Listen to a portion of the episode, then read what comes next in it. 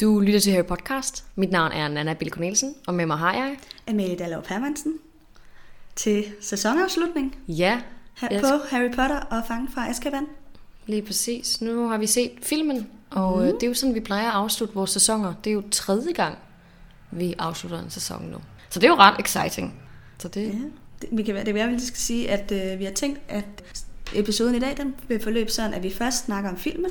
Både har nogle, øh, vi har lavet nogle nedslag til nogle, nogle detaljer og diskuterer noget godt og noget skidt og, mm. og sådan noget. Og så har vi et interview med min veninde Katja, som er psykolog, og, øh, og vil fortælle noget om hendes betragtninger af Harry Potter, som altså ud fra en psykologisk vinkel, og især her i bog 3, det er så det, hun har fokus på. ja. det er jo også noget af det, som vi har diskuteret rigtig meget i den her bog. Det er sådan de psykologiske træk ved den her, især med angst og depression og traumer, både i form af boggerter og dementorer, og selvfølgelig hvordan Harry generelt forholder sig til de her ting. Og det har været noget, hvor vi er kommet lidt til kort Ja, af flere omgange, fordi der er ikke nogen af os, der rigtig har sådan et sprog for, hvordan man i talesætter de her ting. Altså, det har været lidt svært sådan at finde de rigtige ord, og sådan helt lige kunne sætte fingeren på, hvad er det egentlig, der sker her. Mm.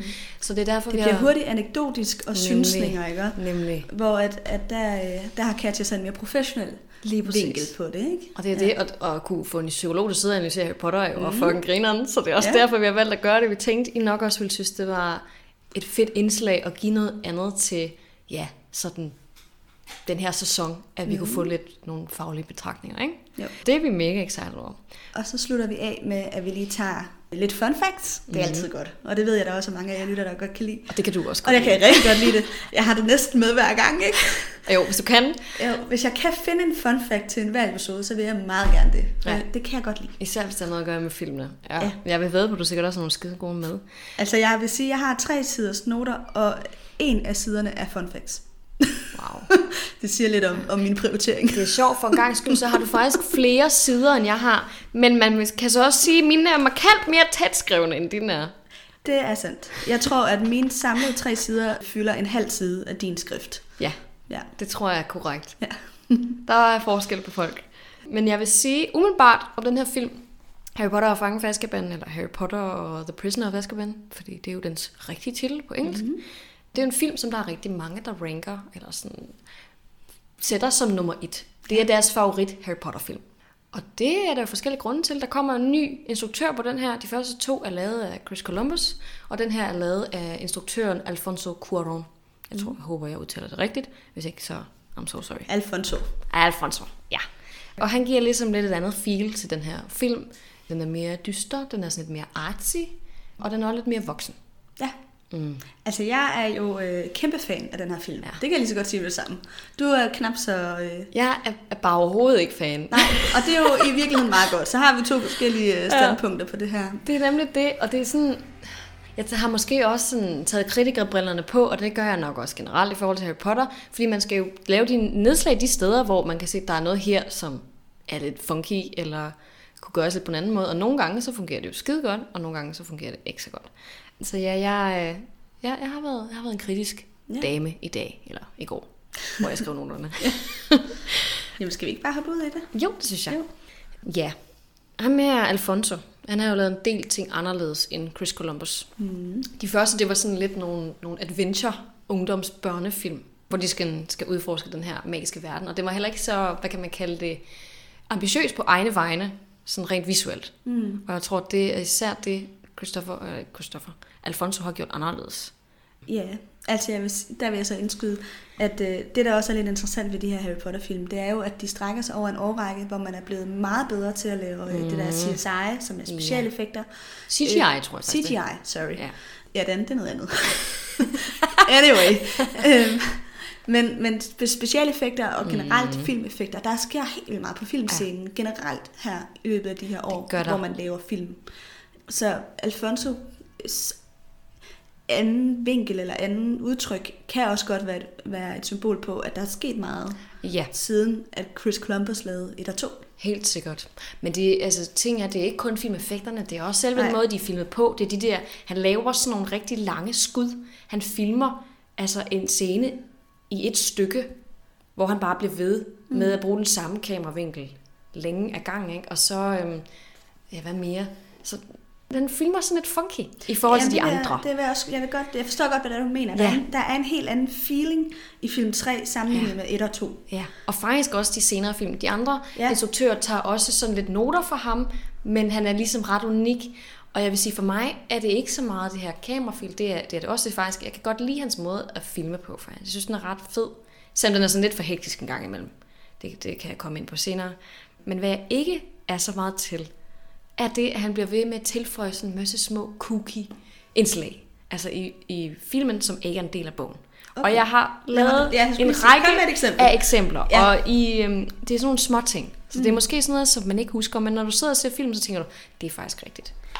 øhm, for det første, så er der det her talende skrumpehoved, som er i bussen. Det kan alle huske. Det ja. der jamaikanske skrumpehoved, der er sådan, hey man, Ham, der snakker med chaufføren. lige præcis. Og han- han er selvfølgelig ikke med i bogen. Nej, men når det er sagt, har J.K. Rowling været ude og sige, at hun ville ønske, hun havde opfundet dem. Ja, og det forstår jeg også godt, for der er rigtig mange sjove. Så er der rengøringsdame i den utætte kedel, hvor hun går hen og sådan banker på døren og siger sådan housekeeping og åbner, og så kommer der sådan et eller andet brøl ud, hvor hun så står med sådan håret op i vejret, og, sådan, og så går hun sådan, okay, jeg går bare så. Altså, hvor man sådan, okay, fair nok, der er sådan et eller andet monster inde på det der værelse. Det, kan du ikke lide det? Det synes jeg er en mega fed scene. Ja, jo, men jeg ved ikke, om jeg... Jeg tror ikke, jeg har sådan vurderet, om jeg kan lide det. Jeg tror bare, der er rigtig meget af det. Så er det der kor, der synger den første aften. Ja. De synger sådan noget... Double, double, toilet, trouble, double, double, double. Ja. Og det er så fucking mærkeligt. Og de har sådan nogle frøer også. Og det, det hele, det var sådan lidt skørt. Også fordi de der får er det eneste, de skal. Det er til sidst ligesom... det er deres bidrag. I love it. Lige præcis. Så senere på den aften, der sidder alle drengene på Harrys årgang op på deres Mhm. værelse, hvor de sidder og spiser slik. Der får dem til sådan at imitere dyrelyde, hvor at, øh, hvad er det, Ron, der bliver sådan en løve, og Harry får sådan noget damp ud af ørerne. Jeg tror, at Neville, der sådan bliver en elefant eller et eller andet. Og det er jo bare sådan, det er fucking mærkeligt. Altså, det, det er sådan, der er mange sådan, sådan noget små humoristisk, der, Jeg altså, tror lige præcis, alle de der ting, du nævner, det er sådan noget, Jamen, det jeg ved elsker jeg ved godt. en Jeg film. ved godt, det er folk, det godt kan lide. Ja. Men det er der, hvor jeg er sådan... Men det er ikke det, J.K. Rowling har skrevet. Så er der også Neville, der bliver angrebet af den her monsterbog. Sådan lidt senere, der er det på vej hen til mm. magiske dyr. Og så har jeg egentlig ikke noteret flere. Der er det er mest i første del af filmen, der er sådan rigtig meget Ja. af det. Men jeg tror, det er sådan den der blanding med, at på den ene side skal det være sådan ret seriøst. Det er en ret mørk film. Og så tilføjer man de her mærkelige ting. Hun er sådan... Det, det er bare sådan weird. Ja. Men jeg, jeg, jeg synes, der er sådan en underliggende humor, som du Ja, også er der. påpeger, selvom det er en mørk film. Ja. Og jeg, det, jeg tror også, det er det, der er mange, der, i hvert fald det, jeg godt kan lide, at Ja. det er det der spil mellem rigtig meget humor mm. og en meget dyster film. Altså Ja. noget af det humor, jeg rigtig godt kan lide, det er, at man ser ja. også slagpoplen flere gange.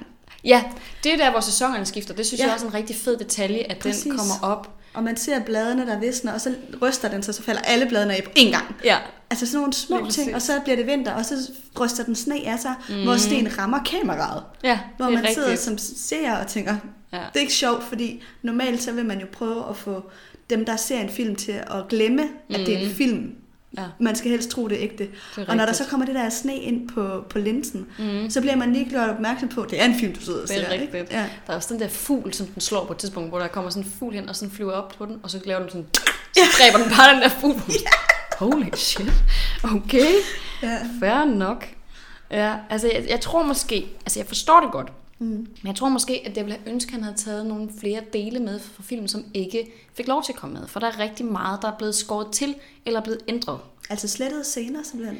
Ja, eller det her med, at det, for, vi får det, det føles som om, at handlingsforløbet er meget komprimeret. Det er jo et helt år, vi snakker om her, som vi får serveret på, er det sådan noget, to timer ish, ikke? Og mange af de her ting, som i bogen er sådan flere forskellige dage over lang tid, bliver samlet til ganske få timer, og det synes jeg er sådan... Men det gør man ikke altid, den her film. Det gør man, men jeg synes, det har været... Altså, hvis man kunne bruge en masse energi på, øh, det ved jeg ikke, at have drengene til at sidde og, og sige dyrelyde op på værelset, så kunne man måske i stedet for have givet lidt par ekstra sekunder til noget andet. Eller hvad ved jeg. For eksempel, øh, Harry han er inde på Hogsmeade, og så, øh, så kaster han sne på Malfoy, hvilket jo i bogen selvfølgelig er mudder. Mm. Det er ikke vinter endnu på det tidspunkt. Og så derefter kommer han så ned og hører det her med Sirius Black inde på den utætte kedel. Det er to separate tidspunkter, han er i Hogsmeade i bogen. Her der bliver de samlet til en. Mm. I bogen ender det så også med, at han bliver fanget af Snape, efter at han har kastet øh, mudder på Malfoy, og det er der, hvor han får frataget røverkortet, og det bliver videregivet til Lupus. I filmen og sidder han lige pludselig og midt om natten og kigger på røverkortet, og ser Peter Pettigrews navn på kortet og går ud og leder efter Peter Pettigrew. Og det er så der, hvor Snape han fanger ham midt om natten ude på gangene, går sådan og leder efter det der, den der person, han tror er der. Og så kommer Lupus så og redder ham og tager løb røverkortet. Mm. Altså de, de er simpelthen, han har simpelthen opfundet en helt ny scene, som jeg ikke rigtig synes passer til især Snapes reaktion, fordi Snape vil ikke have lade Harry Potter bare sådan smutte væk med det her. Altså han ville have givet ham en kæmpe eftersidning for at rende rundt midt ude om natten på skolen på den måde. Ja, men det, altså jeg, jeg deler kritikken faktisk, men det tror jeg er en kritik, jeg har til alle filmene. Ja, Det er ikke, Korrekt. det er ikke specifikt på film Nej, 3. nej. Jeg synes, det er et generelt problem, øh, og også en af grundene til, at jeg bedre kan lide bøgerne end filmene, Ja. som næsten, at det er sådan i alle sammenhænge, mm. ikke? at bøgerne er som regel bedre. Der er få undtagelser, men som regel er bøgerne jo bedre, og, og det er også en af grundene. Mm. For der er nogle ting, der bliver forsimplet, når man laver film, Ja. og bliver slået sammen og bliver lavet lidt om, for at få en, en, en anden fortælling. helt sikkert. Og det er super ærgerligt, men jeg synes faktisk, at problemet er aller, aller størst i film 4. Ja, det er korrekt, fordi der giver det faktisk ikke mening. Hvis man ikke har læst bøgerne, så forstår man ikke film 4. Nej, det gør man ikke, for der er, altså, man finder aldrig ud af, hvem Barty Crouch Jr. er, eller hvad fanden han lige laver der, hvad det har med noget som helst at gøre. Det, det giver seriøst ikke nogen mening, hele den der historie med ham Nej. og Moody og sådan. Det er bare sådan, der er en anden person, som åbenbart har været en anden person, og ja, fuck det, nu er han død. Altså, Ja, det er vidderligt, ja, som ja, det gør ikke. Så jeg kan godt forstå dig. Det her er ikke den værste til at gøre det, og jeg synes faktisk også, Alfonso Cuarón, han er god til at binde nogle andre knuder. Mm. Hvor han så siger, okay, vi sletter det her, men til gengæld så samler jeg nogle andre historier, så Ja. de ligesom giver mening i stedet for.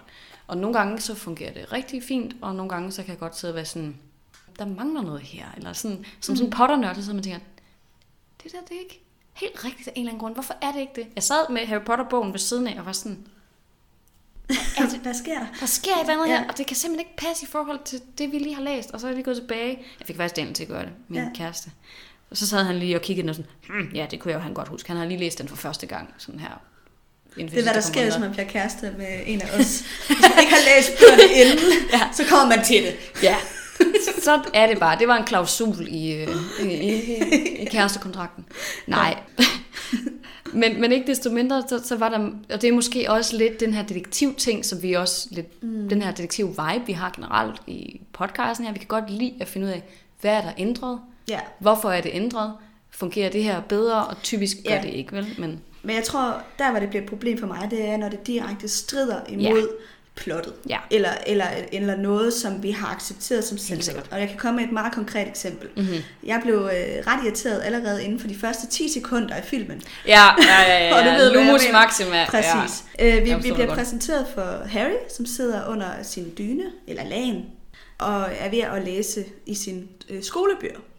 Og i bogen sidder han med en lommelygte for at se, hvad der står i de her bøger. I filmen der sidder han og siger Lumos Maxima. Lumos Maxima. Hele tiden. Mm. Så han sidder faktisk og laver besværgelser med tryllestaven øh, om og om igen. Mm-hmm. Og hvis man bare er lidt Harry Potter interesseret, så ved man godt, at mindreårige ikke må bruge magi uden mm-hmm. for skolen. Og slet ikke i nærheden af mokler. Og slet ikke i nærheden af mokler, og Harry befinder sig i et mokler hjem. Mm. Altså han, han, han bryder alle regler. Ja. Og så går der ikke mere end 10 minutter, så, får, så øh, bryder han reglen igen ved så at øh, ved et uheld at lave trylleri med March, øh, hans mm. tante, som vokser, flyver op og sådan noget. Og der bliver der så der kommer der så en eller anden restriktion. Og det er Ja. også når han kommer ind og snakker med, Ja. med ministeren på det udtillede kæde, så er det også situationen med March, ja. de snakker om. Apropos- Det er ikke Lumos Maxima. Nej, apropos March, får han et brev i bogen. Kan du huske det? Efter at han har pustet March op, kommer, når der så kom ulepost, Ja, det han mener jeg af, ja, faktisk. ikke? Jo. Det gør der ikke i filmen Nej, heller. det Den er der meget kottet til os. Ja. Den, det er næsten bare, hun kommer ind ad døren, og så putter han den op, Ja, og så ja. er der døren igen. I bogen der har hun også været der flere dage. Der Ja, er lang tid, Hun har presset har ham. presset ham over, ikke? Ja, Anyway, det var også bare for at komme med et, et konkret eksempel, hvor det Ja. ja. irriterer mig som Harry Potter-nørd, helt sikkert. at man ikke følger den regel. Også fordi det er noget, vi er blevet præsenteret for i filmen. Det eksempelvis også det der, du nævnte sidste gang med bødlen, der ser dem flere gange, at Ja. man ikke har været opmærksom på, det kan, altså, I bliver nødt til ikke at have, han kan ikke sidde der. Nej. Han kan ikke sidde der. Han kan ikke Og han er der faktisk, jeg lagde mærke til, han sidder der begge gange. Så man ser ham to gange. Ja, og det, det er bare, altså det er selvfølgelig, det er noget, de lige har glemt. Men for os, der sidder og nørder det her for sygt, så er det jo en stor fejl, ikke? Og men jeg er også sådan det der med, ah, men det har vi lige glemt. Der var 7.000 medarbejdere til at lave sådan en film her, ikke? Ja, jeg sådan sad og kiggede rulleteksterne igennem. Fuck, man, de fortsætter bare De- for evigt. sådan- Der har, og der er ikke engang alle, der er med, vel? Altså, Nej. der, der har været et arsenal af folk til ja. at lave de her film. Ja. Det forstår jeg ikke, der er ikke nogen, der lige har sagt. Men man skal mm. også være ekstra opmærksom på sådan noget, når man laver sådan noget tidsrejser. Hvis du laver Ja. tidsrejser, skal den fandme være spot on. Ja. Det var også sådan en ting, jeg synes var sjovt. Og, og, og faktisk et, et, et ting, som jeg synes var okay i filmen, men det her med, at Hermione, hun slår Draco Malfoy lige inden hun går ned til Hagrid. Og det gør hun jo faktisk ikke i bogen. Hun gør det meget tidligere på dagen. Faktisk inden de har eksamen i øhm, Spottom. Det er noget, noget af det første, hun, hun faktisk gør den dag, tror jeg. Og så fortsætter hun så bare resten af dagen med at blive mere og mere sådan, what the fuck? Ja. Men hun gør det lige inden de skal ned til Hagrid og, og ligesom skal være ved ham, inden Stormvind bliver henrettet. Og det synes jeg faktisk fungerede ret godt, fordi i mit hoved er det blevet lavet som det rigtige. Selvom jeg lige har læst bogen. Mm. Så er jeg stadig været sådan, ja ja, men det er, jo, det er jo rigtigt, det er jo sådan, det går. Altså, Ja, den fungerer, den ja scene. ja. Det, det, jeg er i hvert fald blevet overbevist i mit hoved om, at, at det, var, det var den rigtige sekvens, den var kommet i, og så var jeg sådan, men alligevel, kan, kan det passe? Men, mm. But that works. Det kan jeg rigtig godt lide. Så ja, nogle ting fungerer rigtig godt, og nogle ting fungerer knap så godt. Og man kan sige, at vi kunne jo ikke have en film, der var det ved ikke, 10 timer lang. Det ved jeg godt, vi ikke kunne. Mm. Men det har man lyst til som Harry Potter-fan. De der sådan små... Altså, vi vil ikke blive trætte af det, jo vel? Nej, det tror jeg Det- ikke. De kunne bare lave det om til en serie. Ja. Hele, hele bog 3, bare gøre det til en serie på 14 timer. 14 afsnit. Det kunne de for min skyld have gjort med alle bøgerne. Men det, ja. Ja. ja. Det må vi se. Det, kan da godt være, de, de gør det i, i fremtiden, men... Øhm, ja, det skal nok blive genindspillet en eller anden gang. Mon ikke. om, om en del år, tror jeg. Men, ja. Men på et eller andet tidspunkt, når de, de her ligesom er oldnordiske nok, så, ja, øh, så tror jeg, man outdated i forhold til sådan teknik og alle de der andre ting, så Ja, tager de dem op igen. Mm. ja. Men øh, En ting mere, jeg ikke så godt kunne lide. Og det her, det bliver endnu mere konkret. Det var øh, dementorerne. Mm. Og jeg synes egentlig, selve udseendet på dementorerne fungerer ret godt i forhold til det, vi ved om dem. De er sådan kutteklædte og meget sådan bølgende, sådan et spøgelsesagtigt på en eller anden måde, bare med kutter. Ja. Hvis det giver mening, ikke? og mørke. De sådan svæver. Jeg kan godt lide der, hvor at den, den kommer ind, den første mentor, han møder, og sådan den der klamme hånd, der lukker sig mm. om døren, og sådan åbner den. Fordi det, det passer rigtig godt til beskrivelsen i bogen, at det er sådan en skældet, klam hånd, grønlig hud, mm. der sådan åbner den der dør. Det passer rigtig godt. Hvad jeg ikke så godt kan lide, det er den måde, de suger glæde ud af folk. For de suger sådan rent bogstaveligt talt. Ja, det er sådan støvsuger. Ja, det er sådan, det er sådan at, at og, alle, der har set filmen, forstår nok godt, hvad jeg mener. Ja. Det er sådan, de trækker nærmest sådan, ja, suger, suger på folk, sådan at, at sådan deres... Hvordan Jamen, forklarer deres man det? ansigter ser ud som om... Ja, altså, det jeg er har sådan skrevet, blurred, ikke, på en eller anden måde? I mine noter har jeg skrevet, Nana, hvad synes du om støvsugereffekten? Ja, ja jamen det elsker jeg, du gjort, fordi at den kunne jeg nemlig ikke lide. Nej. Det kunne jeg nemlig overhovedet ikke lide, fordi den fornemmelse, jeg har for dementorerne, er, at de kommer ind i et rum, og så bliver du bare automatisk ked af. Det er ikke noget med, at de skal gå og suge på dig. Det gør de i forvejen med det her kys. Ja. Ja, de angriber ikke, de er Nej, der bare. Og det er det er tilstedeværelsen af dem Ja. i sig selv, Nemlig. der er ubehagelig. Ja, og det, ja. Det, det er mere stemningen, end det er sådan en fysisk sugning af dig, Ja. der altså, sker fra dig hen til, til dem sådan. Ja. Og, og det, det bryder mig ikke om, for det minder også ekstremt meget om kysset. Og kysset er heller ikke et kys. Det er en fortsat støvsugeeffekt på ansigtet, hvor det så bliver ved så længe, at sjælen i form af sådan en lille kugle, blå kugle, kommer ud. Mm. Og det var sådan, hvad fanden er forskellen? Hvis de så bliver ved længe nok med at være nærheden, eller kommer din sjæl så ud, eller hvad? Altså det er den jo ved til sidste filmen, men ifølge bogen, så nej. Fordi så vil alle, der sad i Azkaban jo være sjæleløse. Det er nemlig det. Så det, altså den der scene, der er til sidst, hvor Sirius ligger på, mm. på bredden der, hvor hans sjæl ligesom er ved at forsvinde ud af ham, den vil slet ikke ske i bogen. Nej. Fordi det er ikke, det er ikke sådan, det fungerer, det her mm. system. De skal ned Mm. og decideret bide sig fast over præcis. munden. Og så, altså, De skal ved- holde fast fysisk om Ja. dig. De kan ikke trække det ud, uden at, Nej. at røre. Nej, det kan de ikke. Så det er mere et decideret kys, end det er øh, en, en støvsuger sådan et par meter væk fra dig. Ja. Og, og det synes jeg øh, så mærkeligt ud. Og jeg kan godt forstå, hvorfor de har gjort det, fordi det, ser, altså, det har en effekt. Vi kan sådan se, at de har en effekt på folk. Men jeg ville ønske, at man havde forsøgt at gøre det lidt anderledes. Altså, jeg kan egentlig godt lide den effekt. Men det, jeg ved godt, det ikke er rigtigt ifølge bogen, men jeg kan faktisk godt lide den, fordi det giver noget dramatik i forhold til dementorer i de efterfølgende film. Mm. Dem er jeg ikke så begejstret for. Nej, de har også akutten af, har de ikke det? Nej, det, men Nogle de har af dem et andet har- udtryk. De ser ikke ud på samme måde. Jeg synes, den her måde, de ser ud på i film Ja. ja. 3, jeg synes, det, det er mest det, jeg også ja. har forestillet mig i hovedet, når jeg har læst filmene. Jamen, det er jeg enig. Jeg er ret, læs bøgerne hedder det. jeg er ret sikker på, at i, i nogle af de senere film har de decideret kutten af, hvor de bare sådan lidt har sådan et skelethoved-agtigt. Nå, ja. Det, syn, det mener jeg. Eller også ser kun bare anderledes ud. Det kan godt være. De er i hvert fald De ser i hvert anderledes. fald anderledes ud. Og hele pointen er, at de skal være tildækket, og man skal ikke se deres ansigt. Og du, man, du, skal, du skal kun kunne se den her del af dem, hvis de mm. vil kysse dig. Ikke? Jo. Og jeg, igen, jeg kan godt forstå det visuelle valg, hvad man har gjort det, men så synes jeg, man skulle have differentieret mellem den her støvsugereffekt og kysset. Og gjort det fysisk, at den sådan forsøger at komme ned og kysse ham. Mm. Ligesom vi så Voldemort, da han var øh, i- på Quirrells baghoved, gå ned og suge på enhjørningens krop, da han skulle have blodet. Altså, men jeg har på fornemmelsen, at det måske var lidt for seksuelt. Eller sådan et eller andet, at det er derfor, de har fravalgt det. Ja, At det var sådan lidt, jeg ikke. lidt for klamt, at den der demente skulle sådan kysse en på munden, eller, eller jeg ved ikke helt. Altså i bogen sker det jo heller ikke på noget tidspunkt. Bartimus Crouch Jr. bliver faktisk kysset. det er rigtigt, men nu tænkte jeg i bog 3. Ja, det er rigtigt. Det Det er sker rigtigt. ikke på noget tidspunkt. Altså vi ser ikke et kys i bogen. heller. Nej, men vi, vi ved, at det, de nærmer sig Sirius og skal til at kysse Ja, ham, skal til at gøre det. da, da de ligger på bredden. Og ja, så tror jeg også, forsøger de at kysse Harry og Dudley i bog nummer 5. Ja. Ja, det gør de også. Så der er nogle, der er nogle instanser, men, mm. men det, det er kun i firen, at vi faktisk ser et kys. Eller i hvert fald for beskrevet et kys i bogen. Mm. Ja. Ja. Mm. Så øh, hvis jeg må fortsætte med mine Ja, kritikpunkter, så, øh, så tror jeg, sådan den hektiske stemning i finalen, den var heller ikke min kop te. Jeg synes lige pludselig, der blev det hele speedet meget op. I hvert fald en finale. Altså sådan, faktisk fra at Ron bliver hævet ned i det hyldende hus, så er det hyldende hus, Nå. seancen, alt det, der sker nede ved søen, og Lupus bliver en varulv, og så da det hele sker en gang til. Mm. Jeg synes, der er sådan lidt en for adrenalinpumpet stemning, den måde, sådan kameraet, den sådan hele tiden kommer frem og tilbage, især nede i det hyldende Og hus. når så det ikke er tiden, der bliver brugt på det, det er kameraføringen på Ja, det. ja, jeg synes sådan, selve måden, det er filmet på, får, gør mig lidt stresset. Mm. Og jeg forstår godt, hvorfor at man har gjort det igen, fordi du vil gerne have folk til sådan kunne mærke den her, oh my god, fucking hell, det hele det går af. Altså sådan Ja. ja. paniske følelser, som de har, fordi det har de jo. Især nede i det hyldehus. Der står kameraen, der er også sådan, eller sådan huset svejer. Ja. Det sådan bevæger sig, det var fucking mærkeligt. Og så bevæger kameraet sig samtidig også. Ja. Så der var Der sådan er sådan hele en tiden... øh, desorienterende effekt dernede, Ja, ikke? der er hele tiden bevægelse, og folk de kommer sådan farne ind lige pludselig, og er meget teatralske og meget overdrevne. Især Peter Pettigrew og Snape. Mm. Jeg, synes faktisk, at hele seancen nede i det hyldehus var sådan lidt meget... De var bare sådan meget voldsomme. Ja. Jeg tror, det er sådan lidt den sa- Det er faktisk generelt mit problem med Harry Potter finaler. Det er det samme i firen.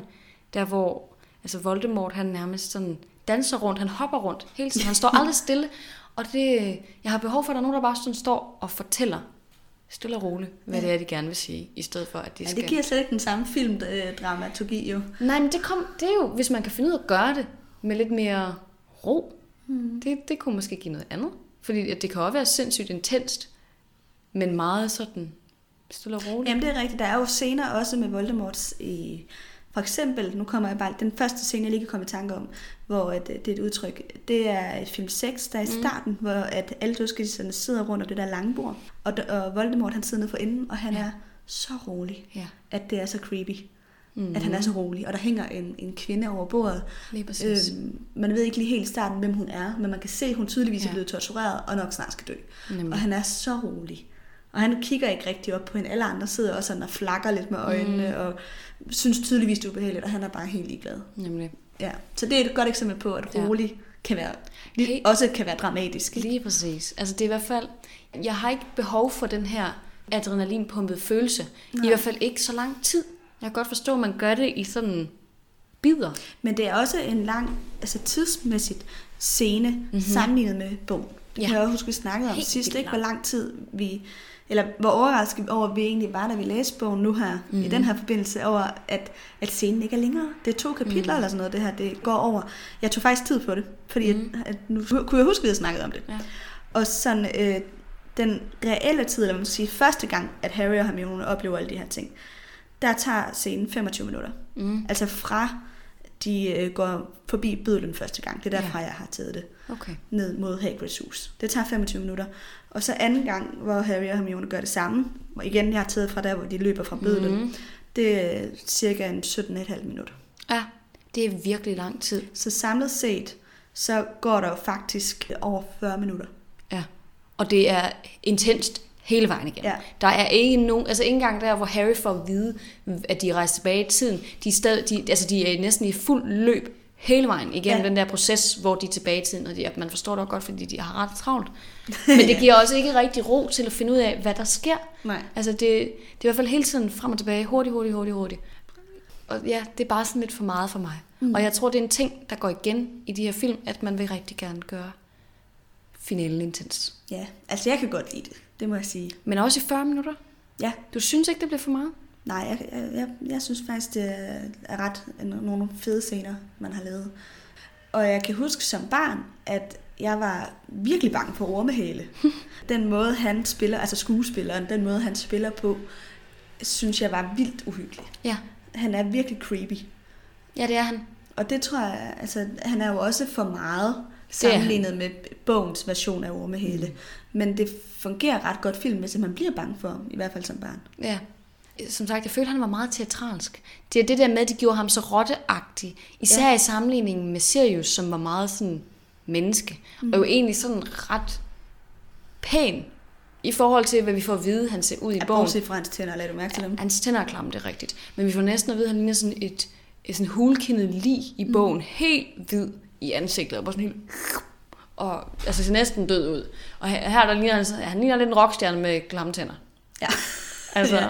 han er ikke... Hvilket minder mig om, hvordan, altså fordi det har han jo ikke i den næste film. Der er han jo pæne tænder. Ja, Hvad, har han været til tandlæge eller et eller andet imens der? man kan sige, at den magiske verden kan gøre mange ting. Men han har nok ikke været til tandlæge. Så må han have fundet en besværgelse selv og lige skrevet til Dumbledore sådan lidt, hey dude, kan du ikke lige... Mine tænder, er altså at falde ud af munden på mig. Kan du lige hjælpe mig? Jeg har ikke haft en tandbørste i 12 år. Gider du hjælpe mig? Oh, jamen det, han må må have gjort et eller andet, tror du ikke det? jo, der har nok været noget magi jo. Fordi han har jo ikke rigtig, altså han har holdt sig i skjul. Så Ja, der, er bare, der har været et ordentligt stykke arbejde der. ja for Det havde været en dyr omgang, som havde været mokler. Ja, det har du ret i. Og apropos det, tatoveringerne på brystet, hvad synes du om det? Han har sådan nogle tatoveringer Ja, ja. her. Og det tvivler jeg på, han har i bogen. Ja, det, det er jo nok for at give det der udtryk af, at han er sådan lidt en hård negl, eller sådan Ja. en hård type, der sidder i fængsel, ikke? Jo, men det er Men, bare øh, sådan, jeg kunne ikke forestille mig, at han var typen, der havde fået de her fæng, altså tatoveringer inde i fængslet. Nej, og man kan heller ikke rigtig forestille sig, at han har fået dem før, vel? Nej.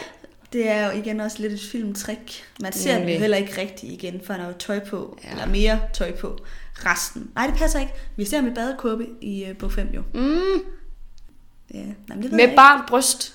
Eller sådan helt knappet op til hagen. Altså, som jeg husker det, ser man ham lige sådan lukke den, hvor man lige når lige at få et, et lille glimt af de der tatoveringer, men jeg kan ikke helt huske det. Ja, okay, fair Men jeg ved ikke, altså jeg kan faktisk godt lide det. Jeg synes, det, det passer til den karakter, han skal være i filmen. Ja, men det passer ikke til den karakter, Men det passer have i bogen. ikke, nej, det passer ikke for det, der står i bogen. Nej. Og det er det, der er irriterende, fordi at igen, jeg, det, den måde, de får ham til at fremstå på, og det var et andet kritikpunkt, jeg havde, det fungerer slet ikke i forhold til, hvem han faktisk skal være. Altså, det, det er det samme kritik, vi har haft i bogen, du ved det her med, at han virker sådan, som om det er ham, der har gjort de her ting, mm. lige indtil vi faktisk får vide, gå, wow, det er ikke ham, og så glemmer alle ligesom, hvor fucking mærkelig han lige har været. Altså det der med, at han siger, only one must die tonight, fordi Hermione, hun skriver sådan, oh, if you want to kill Harry, then you have to kill all of us. Og så er sådan, at, hvorfor fanden kan du ikke bare sige, jeg er ikke interesseret i at dræbe Harry. Jeg ved Ja. ja. godt, det har Ja, J.K. ja. Rowling skrevet, så selvfølgelig skal han sige det. Men bagefter, så øh, laver han også den der, do you wanna kill me, Harry? Fordi Harry, han hopper på ham, Ja. og skal til at gøre et eller andet med hans solstav, stikke ham i øjet eller et eller andet. og så griner han mega klamt, altså sådan helt manisk. Og sådan, okay, du virker ikke særlig uskyldig. Du virker bare, som om du Jeg er mentalt faktisk, ude af den. at jeg, er jeg, jeg er ikke helt enig. Jeg synes faktisk, at den måde, Sirius bliver beskrevet i den her scene i bogen, er meget den, vi også får portrætteret i filmen. Ja, men det er måske også J.K. Rowlings fejl i så fald. Ja, jeg deler kritikken af den måde, den scene fungerer på i bogen, mm. og dermed også i filmen. Men jeg synes faktisk ja. ikke, at filmen gør det dårligt der. Jeg synes, Men den gør det heller ikke dårligt. Portrætterer det, vi har fået skrevet. Ja, det er nok ret i. Men det, er nok, det falder nok tilbage på min originale kritik af, at det stemmer bare ikke overens med Nej. den Sirius, som vi får at vide, han faktisk er. At han ikke har slået nogen ihjel, at han faktisk er meget stille og rolig, og at Harry igen et par minutter efter er sådan, jeg vil gerne ind hos dig. Det er bare sådan... Altså, Nå, det, er slet ikke, mening. det er faktisk ikke så meget det, det er mere det, det at han hele tiden snakker i gåder. For han kan jo tydeligvis Så se, at Harry, Ron og Hermione ikke fatter, hvem det er, han snakker om. Og han bliver ved med at snakke i Only One Must Die. Okay, men altså, de tror stadigvæk, det er en af dem, du mener. Og så gider du godt lige at gøre det tydeligt, hvad ja, du snakker om. bare sige, only one must die, but not one of you. Ja, eller altså. Only Peter must die tonight. ja. Et eller andet, ikke? Only Scabbers will die tonight. Ja, ja, man kan godt lige sige det ud. Ja. Og igen, forstår godt, hvorfor J.K. Rowling gør det, Ja, ja. men det er bare Det pisse træls. Altså, det- det er bare ja. ikke realistisk, vel? Nej. Det, det er i hvert fald dumt at sætte sig selv i den situation, at man er ved at blive myrdet af nogle 13-årige, fordi man ikke gider at se konkret, Ja. hvem det er, man vil dræbe, ikke? Og sidste pointe, det var Lupus' transformation.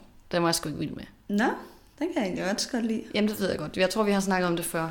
Jeg ved ikke, jeg, jeg forestiller mig varulve sådan lidt mere pelset og knap så tynde. Han er sådan... Nå, så det er det, han ikke har pels på. Rigtigt.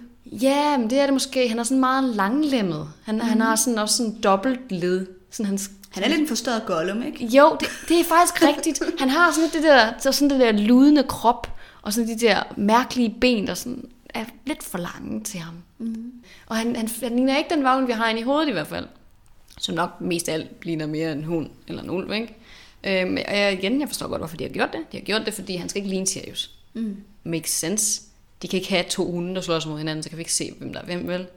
Men øhm, jeg ved ikke, det, det er ikke lige min kop te. Nej. Altså, så ja. Og så plus igen det der med månen, der lige pludselig kommer op og skinner på ham, og så, ja, det er jo for åndssvagt. Men det er også bogen. Så, Ja, men jeg skulle lige sige, der er vi igen tilbage ja. ved. at- så det er ikke Alfonsos skyld, det Nej. er J.K. Rowlings skyld. Ja. Mm. ja. Jamen, det, er- det er jo fair nok, vi behøver heller ikke være enige. Nej, og jeg gætter på, at øh, hvis jeg spurgte dig, om du har noget negativt at sige, så ville du ikke rigtig have noget. Jo, jeg havde et Lumos Maxima der i starten. En. øh, jamen, jeg har også andre ting. Det der med bødlen, at han sidder der to gange, som vi også har snakket om, og støvsugereffekten er også sådan lidt effig. Jeg kan godt lide den, men jeg er også sådan lidt... Ja. Ja, men dem har vi snakket om. Men jeg vil i stedet sige, at øh, der er også nogle ting, jeg synes er ret nice. Mm-hmm. Blandt andet, at, og det er jo også nogle af de der ting, du så synes måske er lidt irriterende ved filmen, men der var natbussen kører, og så stopper den sådan slam lige foran Ja. hende der, den gamle Ja, dame med ja. rollatoren. Jeg elsker den scene, og hun bare fortsætter fuldstændig ufortrødent, som om hun overhovedet ikke opfanger, at der bare Ja. er en bus, der er lige ved at torpedere hende fuldstændig. Hun kigger ikke, altså hun gider ikke engang at kigge op på den. Men Nej. hun er, hun er, I couldn't care less. Mm. Jeg er vild med hende. Altså, Det er fucking sjovt. den der altså, attitude, hun bare, og jeg fortsætter bare lige så stille med min rollator. Jeg tror, for eksempel natbussen der, for eksempel, den, den har jeg faktisk nævnt i øjeblikke, som var cookie, som jeg faktisk godt kunne lide. Okay. Jeg kan faktisk godt lide natbussen, og jeg kan også godt lide hende der rengøringsdame, der kommer og siger, housekeeping. Ja. Men jeg synes bare, der er så mange af dem. Ja. Jeg tror måske, det er det, der det giver sådan, det går lidt, der går lidt... Ja, det tager lidt overhånd for mig. Ja. Og jeg synes, det bliver en lille smule for meget, men natbussen er en af mine favoritter, og jeg kan jo rigtig godt lide der, hvor Dumbledore kommer ind på hospitalsfløjen, og så går hen til Ron, ja. som er ved bevidsthed. Det er hans bogen. Og så står og presser på hans brækkede ben, og Ron der bare står sådan, au! Ja, Og han er bare sådan, det ja er ja, sådan står og klapper på det. Sådan, Dumbledore, hvad hvad laver du? det synes jeg er fucking sjovt. Der var også noget, jeg lagde mærke Nu har jeg set den her film utallige gange, så jeg er faktisk lidt overrasket over, at jeg lagde mærke til noget nyt. Men jeg lagde mærke til to nye ting, jeg ikke havde lagt mærke til før. Mm. Og det var selvfølgelig også, fordi jeg så den med det her mindset, at nu Ja, skal vi også snakke om. Jeg var også mere detaljeorienteret, end jeg normalt er. Men der er to ting, jeg lige vil fremhæve, som jeg ikke havde lagt mærke til før. Og den ene, det er også lidt en gimmick-ting. Mm. Det er der, hvor at Lupus øh, er ved at forandre sig. Ja. Og, og Ron og Hermione og Harry, de står sådan lidt, oh my god, og Snape står og holder dem tilbage. Mm. Og så kan man lige pludselig høre Ron meget svagt i baggrunden sige, nice doggy, sweet. Og jeg var bare sådan, det har aldrig lagt mærke til før. Ej, hvor sjovt. nice doggy, sweet puppy. så nu prøver jeg bare sådan at, at snakke Lupus ned, ikke? Hvor det sådan, okay, ja, Good try. ja. Ej, hvor sjovt. Og så den anden ting, som jeg lagde mærke til, det er så ikke, fordi det er sådan, sådan lidt sjovt, det var bare lidt interessant, der hvor Harry han kommer ind på den utætte kedel. Mm. Han er lige blevet sat af natbussen og går ind. Og så ser man jo sådan et klip af øh, troldmænd, der sidder Åh oh, ja, den. Oh. Du ved, hvad jeg snakker om? Jeg ved præcis. Jeg var også sådan, da jeg så den, jeg var sådan, fuck, det er genialt. Ja, lige præcis, så du lagde også mærke til det. Ja. Ja. Jeg har ikke lagt mærke til det før. Men Det, han kommer ind, og man ser en rengøringsstemme. Man ser en troldmand, der blandt andet sidder og læser. Mm. Og den bog, han sidder og læser, er Stephen Hawkings A Brief History of Time. Mm. Og det synes jeg var sjovt. Ja, det, Det er en er sjov genial. lille gimmick, at man i troldmandsverden er interesseret i moklerverdens forskning af tid. Mm. Og især også det her med, at det handler om tid Ja. i betragtning af, hvad der skal ske i den her film. Ikke? Altså, det var interessant, synes jeg. Det sjove er, jeg havde faktisk ikke tænkt over det der med tid, men det har du faktisk totalt ret i. Men det, hvad, hvad mere er ved ham? Han sidder faktisk også og får sin ske til at sidde og røre i sin te med fingeren. Altså han bruger wandless magic, Ja. mens han sidder og gør det. Hvilket der jo ikke er rigtig særlig mange, der kan. Nej, I hvert fald ikke i England. nej.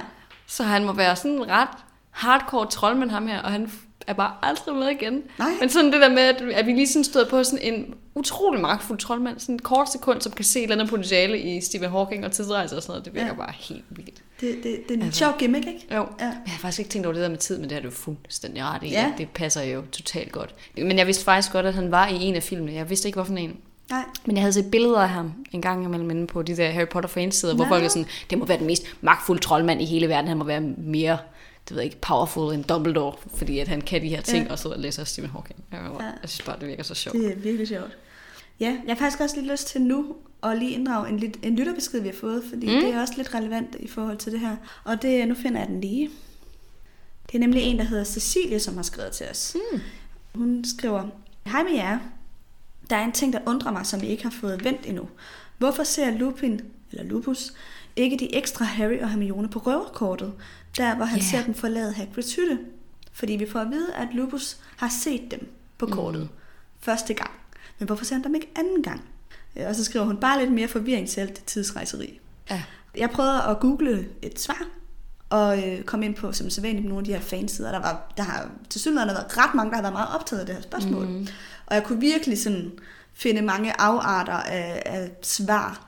Men der er to, som jeg ligesom vil korte det ned til, ellers skulle vi blive ved. Men der er den mulighed, at røverkortet simpelthen ikke kan vise folk mm. tilbage i tiden. Eller altså man skal sige, folk, der er rejst tilbage i tiden Ja. som er sådan på gentur. Både fordi røverkortet er jo lavet af Harrys far og Lupus og alle dem der, og de har måske ikke kendt til tidsrejse, så man har nok måske ikke taget højde for det. Mm. Og det andet svar kunne være, at Lupus, da han ser kortet, er så fokuseret på Pettigrew, Mm. at han faktisk ikke rigtig lægger mærke til, hvem der ellers er på kortet. Ja. Så, han, altså, så de, er, de er der, men at han ikke ser dem. Hmm. Altså, jeg vil sige, på en eller anden måde, så huer det mig bedst, hvis de har været på kortet to gange. Altså, fordi jeg bare synes, det ville være så fucking grineren. Ja.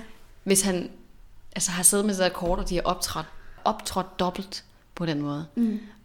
Og han så simpelthen ikke har opdaget det. Men man kan så sige, okay, lige præcis der, hvor de har været, har der jo ikke været en masse andre mennesker.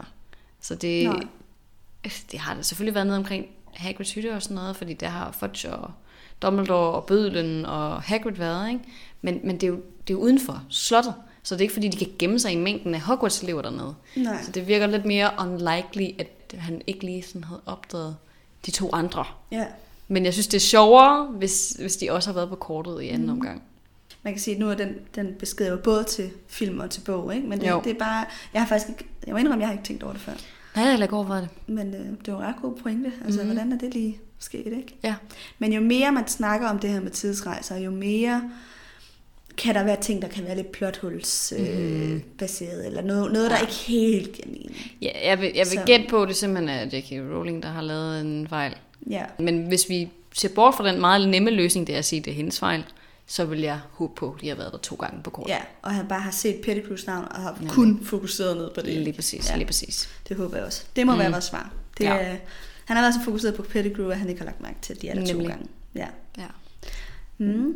Ellers så vil jeg sige, øh, er sådan positive ting, jeg lige kan komme på, det er, jeg synes, Alan Rickmans Snape var fantastisk. Ja. Ja. Som altid, det kommer jeg nok til at sige for hver eneste film, Ja. men det er han. Især i Bogart-scenen, hvor han har det her øh, bedstemor-tøj på, Ja. og lige pludselig kommer sådan ud, og han siger selvfølgelig ikke noget, han står bare sådan, what the fuck's happening? Og den er bare genial, og så elsker jeg ham også i den der klassetime, Ja. hvor han er forsvar mod mørkets kræfter, hvor han øh, beder dem Page at 394. Ja, nemlig. Det er bare så godt. Altså, Ja. han er Den er også ikonisk, den. Øh. fuldstændig. Og det er virkelig, det er nogle af de scener, der sådan markerer mm. den her Mhm. film for mig. Det er sådan Snape, der bare er så god. Jeg synes også, Emma Thompson var virkelig eminent som Ja. ja. Trelawney. Ja. Hun spiller hende godt. Især den der, da hun giver den her forudsigelse, Ja. og står og har den der rigtig sådan dybe øh, stemme. Ja. Og så, what did you say, my dear? ja. det er så sjovt. Hun ligner hende også godt, synes jeg Ja. faktisk. Hun gør det også godt. Jamen, jeg, jeg er generelt meget optaget over skuespillerne. Ja. Det, øh, jeg synes, de gør det godt. Jeg synes også godt, man kan mærke, at Harry og Ron og Hermione er blevet ældre og blevet Ja. dygtigere til at spille skuespil. Det er de. Jeg synes, der er markant forskel på deres præstation, skuespilspræstation mm. i den her film, sammenlignet med de to forrige. Helt enig. Det har du så ret i. Ja, Mm. det må man sige. Ja. Noget, jeg faktisk også godt kan lide ved den her film, det er, at de går mere i hverdagstøj Ja, end de to forrige. Der er lidt mere personlighed i deres...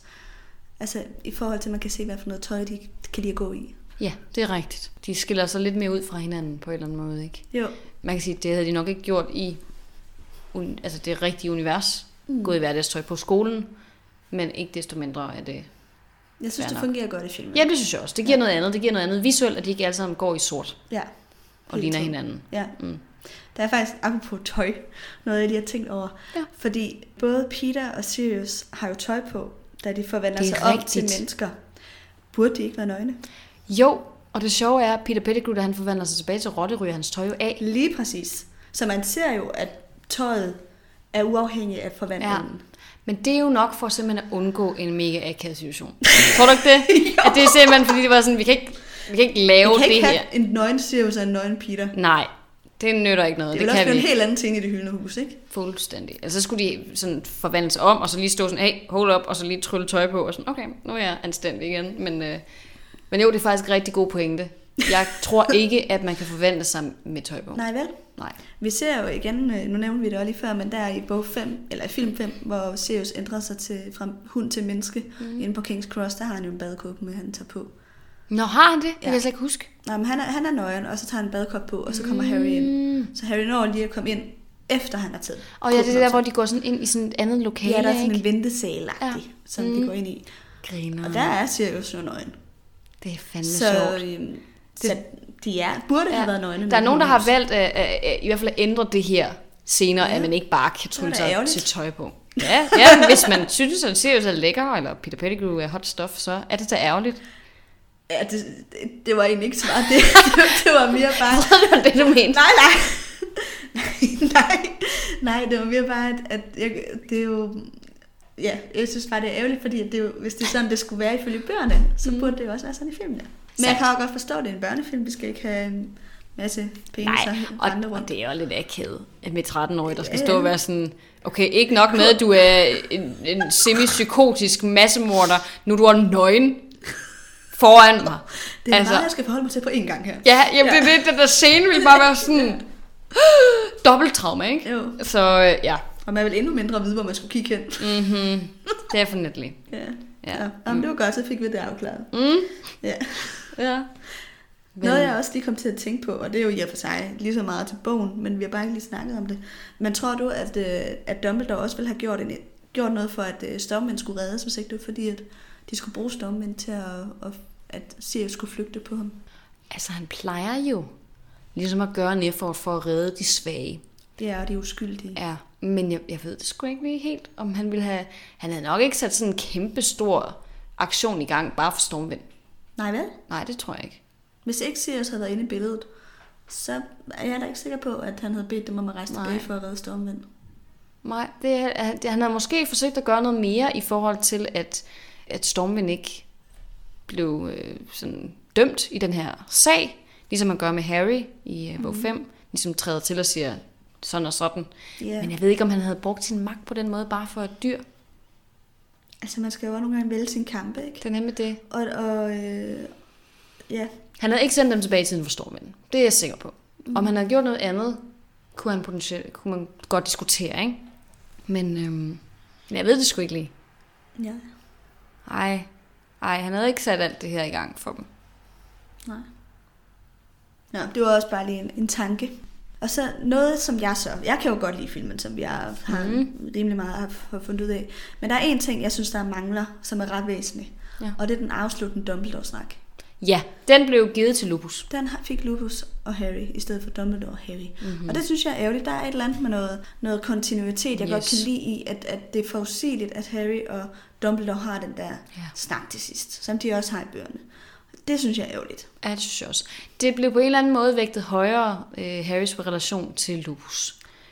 Og det forstår jeg godt, det er det meget filmen handler om, men Dumbledore optræder nærmest ikke i den her film. Nej, han er ikke meget med. Og det er så synd, fordi han har en kæmpe stor betydning mm. for Harry som karakter og for Harrys udvikling. Så det, at han ikke er med i de tidlige film, det, så er man sådan lidt, okay, hvad er egentlig lige point med ham? Hvorfor, hvorfor har de det her særlige bånd? Han har nærmest ikke været der, ikke? Jo, jo. Altså, så, så det vil jeg generelt, det, det ærede mig faktisk også. Ja. Hvad var det for en, så for en sætning? Var det, det, kan du huske, hvad det var, der var, der var Altså den gyldne sætning Ja. ja. den her bog. Åh, oh, det, det er jo lidt pinligt, snakkede jeg om sidst. Det var vel noget af det, Lupus sagde der til allersidst, som Dumbledore egentlig sagde til Harry i selve Der bogen. ender jo dem, der forlader os, øh, eller dem, der dør, forlader os aldrig rigtigt. De lever videre inden i os. Er det ikke sådan noget? Var det den her? Ja. Er det ikke først, at Sirius dør? Og, Nej, det var det der med, at it was all for nothing. ja. Ja, det, han, han siger det der med, at det var det ikke bare spild det hele? Og så siger han, "Jamen, ved du hvad, du reddede ikke kun et, men to uskyldige liv i nat. Det sgu øh, noget ved, du fik sandheden frem. Mm. Og det siger Lupus, ja, nu er det selvfølgelig ikke ordret, det Dumbledore siger, men det er ligesom essensen af det.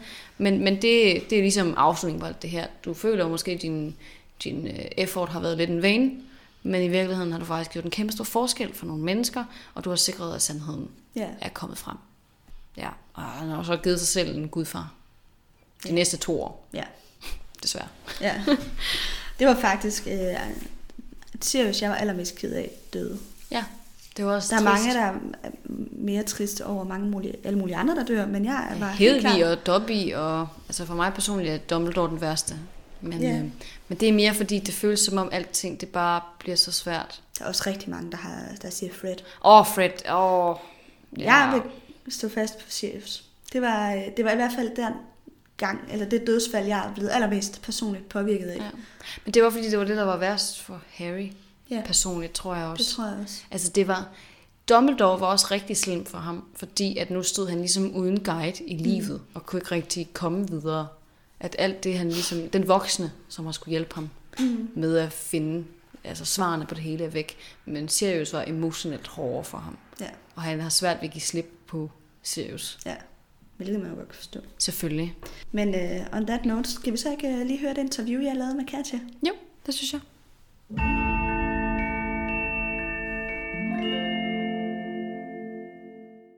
Hej Katja. Hej Amalie. Vi har jo, øh, det vil jeg lige fortælle lytterne, vi har simpelthen inviteret dig i studiet, og det er bare mig, der interviewer dig i dag. Du er min veninde, Det er jeg. og uddannet psykolog, og arbejder som psykolog, Ja. og er kæmpe Harry Potter-fan. Også det er jeg. Ja, Ja. og derfor tænkte Nana og jeg, at det kunne være interessant at høre dit bud på nogle af de her psykologiske ting, vi har diskuteret, især i bog 3, mm. øhm, omkring Harry Potter. Ja. Og jeg har glædet mig til at skulle være med. Fedt! Ja. Det er jeg glad for at høre. det skal nok blive godt. Ja, det tænker jeg også. Så kunne jeg godt tænke mig at starte med at spørge dig, er der et eller andet i Harry Potter, sådan generelt, som er interessant for dig som psykolog? Åh, oh, jamen det var sådan lidt, hvad kom først, hønnen eller ægget? Læste jeg Harry Potter først, eller ville jeg være psykolog først? Nej, er det rigtigt? Vidste nej. du det så tidligt, at du ville være psykolog? Jamen det vidste jeg siden 8. klasse, okay. jeg gerne vil. Og jeg læste faktisk først bøgerne som 18-årig, fordi jeg ikke ville Nå. have ødelagt filmene. Ja, så jeg skulle se alle dem, inden jeg læste bøgerne. Men bøgerne er super interessante, fordi for det første, der sker super meget, og jeg er vild med bøger generelt, og jeg synes som psykolog, at det burde være på pensum på uni også. Ja. Øh, fordi man, man kan meget bedre sætte sig ind i hovederne på folk gennem bøger, end man kan ved at læse en eller anden diagnosemanual. Mm. Men jeg synes, det der især er interessant ved Harry Potter som psykolog, det er det her med relationers helende egenskaber, men også hvor meget de kan ødelægge. Så hvor man ser, at Harry efter at have mistet sine forældre jo egentlig har virkelig meget brug for omsorg, og så havner i et totalt omsorgsvigt hjem ved familien Dursley. Og så endelig kommer på Hogwarts og får et hjem og får nogle relationer. Og hvor godt det er for ham, og hvor meget han vokser, og den udvikling, han har i det, synes jeg er super interessant. Men egentlig også, hvor svært han har ved det, fordi han stoler jo egentlig ikke på, at han kan stole på sine venner i lang tid. Altså tænker jeg jo, at han skal klare det hele selv, og ja, at han er nødt til at tage ansvaret for det hele, og det kan da ikke passe, at Ron og Hermione reelt vil hjælpe ham. Og sådan. Så det synes jeg er vildt interessant, ja. den måde, han skaber relationer på. Ja, du har altid allerede sagt mange ting nu, hvor jeg tænker, wow, ej, sådan har jeg ikke tænkt på det. er ret interessant. Så ja, du tænker mm. måske, at Harrys opvækst også har betydning for den der manglende tillid til hans venner? 100 procent. Ja. Altså fordi generelt, når man vokser op i et hjem, hvor man ikke for det første ved, hvornår er der en person, der eksploderer af vrede, som den kære Vernon gør relativt ofte mod Harry. Altså så er man hele tiden forsigtig, og man tør ikke rigtig vise, hvem man er, og så er der Dudley, der jo bare undertrykker ham fuldstændig og får lov til at shine i sit eget lys, og Petunia, som synes, at Harry er den mest værdiløse ting nogensinde. Så er det også svært at tro på, at man reelt er værd at elske, og at mm. man har en plads i verden. Så det med, at han får at vide, at han er troldmand og har et sted at høre til, det må være den fedeste følelse, tænker jeg, når man ikke har følt det i 10 år, når han vil bo ved dem. Eller sådan noget. Yeah. Ja. Så jeg kan slet ikke forestille mig, hvor stor en ændring det må have været for men også hvor svært det egentlig må være at gå fra at være vant til i 10 år ikke at være noget værd, og ikke at være særlig vigtig, og så lige pludselig være den vigtigste troldmand i, i hele verden, og mega kendt, og uha, have Ja. hele den her historie, man slet ikke kender til. Det må også være mega spøjst. Ja, det må være, ja, det Ja. er æder med med noget af en omvæltning. Fuldstændig. Det er jo to diametrale modsætninger, som jeg, jeg tror, de færreste kan sætte sig ind i. Ja. Jeg kan ikke lige komme på sådan en dagligdags eksempel i hvert fald, hvor at det er sket. Nej, altså, vi har jo børnestjerner, mm. men de er jo stjerner fra, de bliver født nærmest, ikke? så det er selvfølgelig noget andet. Jamen, og så tænker jeg også, dem, der bliver kendte som børn eller unge og sådan noget, de har trods alt haft et, et miljø, der også har præget dem til at blive det på en måde. Fordi ellers så Ja. tænker jeg, at det er de færreste, der opsøger det. Eller de får i hvert fald støtte fra for- forældre til at kunne blive det. Det kræver det jo ligesom. Men det her, det kommer bare ud af det blå. Og så er Harry kendt og Ja. magisk og en dronmand og alt muligt. Ja. Ja. ja. det er faktisk helt vildt, når man lige Ja. sådan tænker det, den, det scenarie igennem, ikke? Ja, jeg ved ikke helt selv, hvordan jeg vil reagere. Min barndom var trods alt væsentligt bedre end Harry, så det, det må have været et kæmpe chok at ja. vide, at verden faktisk kan være ret vidunderlig, når man er vokset op et sted, der på ingen måde var vidunderligt Ja, eller kærligt. Ja. ja. Det var lidt interessant, det du sagde med Dursley-familien.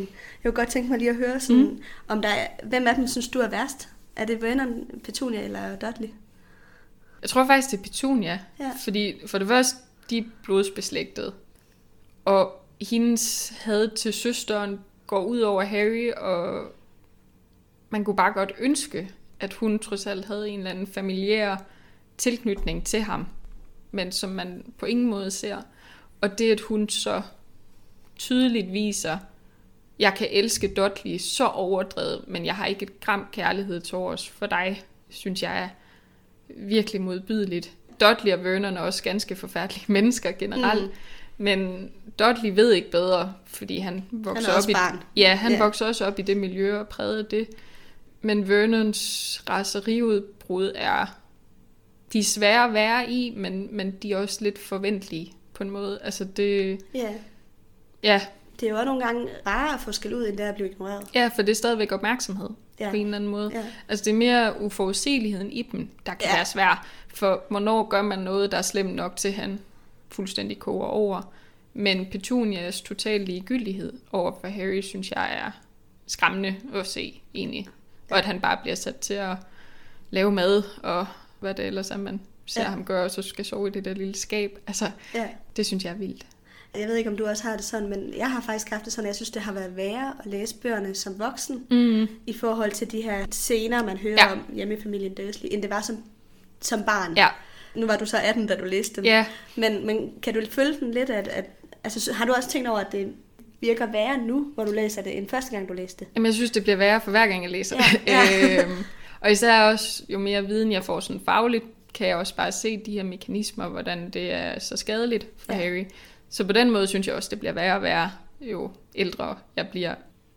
Og det bliver bare tydeligere, altså sådan alle de der ting, man ikke opdagede, da man enten var barn eller ung, altså som man ikke tænkte over, man egentlig bare var sådan, nej, men det er plot. Altså det er bare for at skabe en god historie. Mm. Men egentlig så er det jo et totalt dysfunktionelt familiemønster at have. Ja. Og den skade, de går på Dudley, synes jeg egentlig også er ganske forfærdelig, fordi det er også svært ved at se, hvordan han nogensinde skal blive en god ægtemand over for en fremtidig kone, stakkels hende. Eller mand. Eller mand, eller mand, ja. Det har jeg nu svært ved lige at se, at Dudley vokser op til, men man kan sige, at han render meget sammen med Ja. drengene. Det kunne selvfølgelig godt være. ja. Det, ja. Ja, det ved vi ikke. Der var det ham kunne der, faktisk øh, være ret interessant. Ja, Ikke? der var der ham der Piers et eller andet, har jeg det som, der var en, en ven, der egentlig også var med. Åh, Ja, han har ham der en rigtig gode ven. ja, som der også er med- medløberen hele tiden og sådan Ja. Ja. og de to, de laver, og de, man hører som, det gør man mere i bøgerne end Mm, i filmene, men ja. ja. han er med i Zoologisk Have. ja, lige og- et Ja, på fødselsdagen. Ja, Ja. Det kan godt være, der er lidt. det ved vi ikke. Nej. Det, Nej. det må tiden vise. Ja. Men øhm, ja, jeg kunne godt tænke mig at dykke lidt mere ned i bog 3, mm. som er den, Yes. vi lige har gennemgået. Altså, der er, jo, der er jo psykologiske, spændende ting i alle bøgerne. 100 procent. Men, Ja. øh, ej, det bliver det så lige spørge. Hvad for en af dine yndlingsbog? Det er femmeren. Det er femmeren. Ja. Både fra et fagligt synspunkt, men også bare personligt. Jeg synes, Ja. det, jeg elsker Redde Harry. Øh, Ej, det er, tror jeg, du er den første, jeg nogensinde Ja. har hørt dig siger. Men det er også, jeg har lidt en interesse for traumer og sådan noget. Det er bare så tydeligt for mig, hvordan Harry reagerer fuldstændig som klassisk PTSD-eksempel med hans irritabilitet og fredesudbrud, som egentlig bare er et tegn på følelser, han ikke kan håndtere. Og netop også, der ser man det her med, når relationer så trækker sig fra ham, hvor Dumbledore lidt trækker sig ind og forsvinder, at det kan han slet ikke håndtere, fordi nu har han lige fundet en eller anden form for tryghed der, og nu er der noget, der forsvinder. Og det gør jo bare, at han reagerer endnu voldsommere, end han ville have gjort normalt. Så den, den synes jeg bare er så interessant, og jeg er vild med... Umbridge er en øh, genial skurk, og Dumbledores armé og sådan noget. Jeg, jeg synes bare. Ja. der er så meget godt i den Ja. bog. Ja.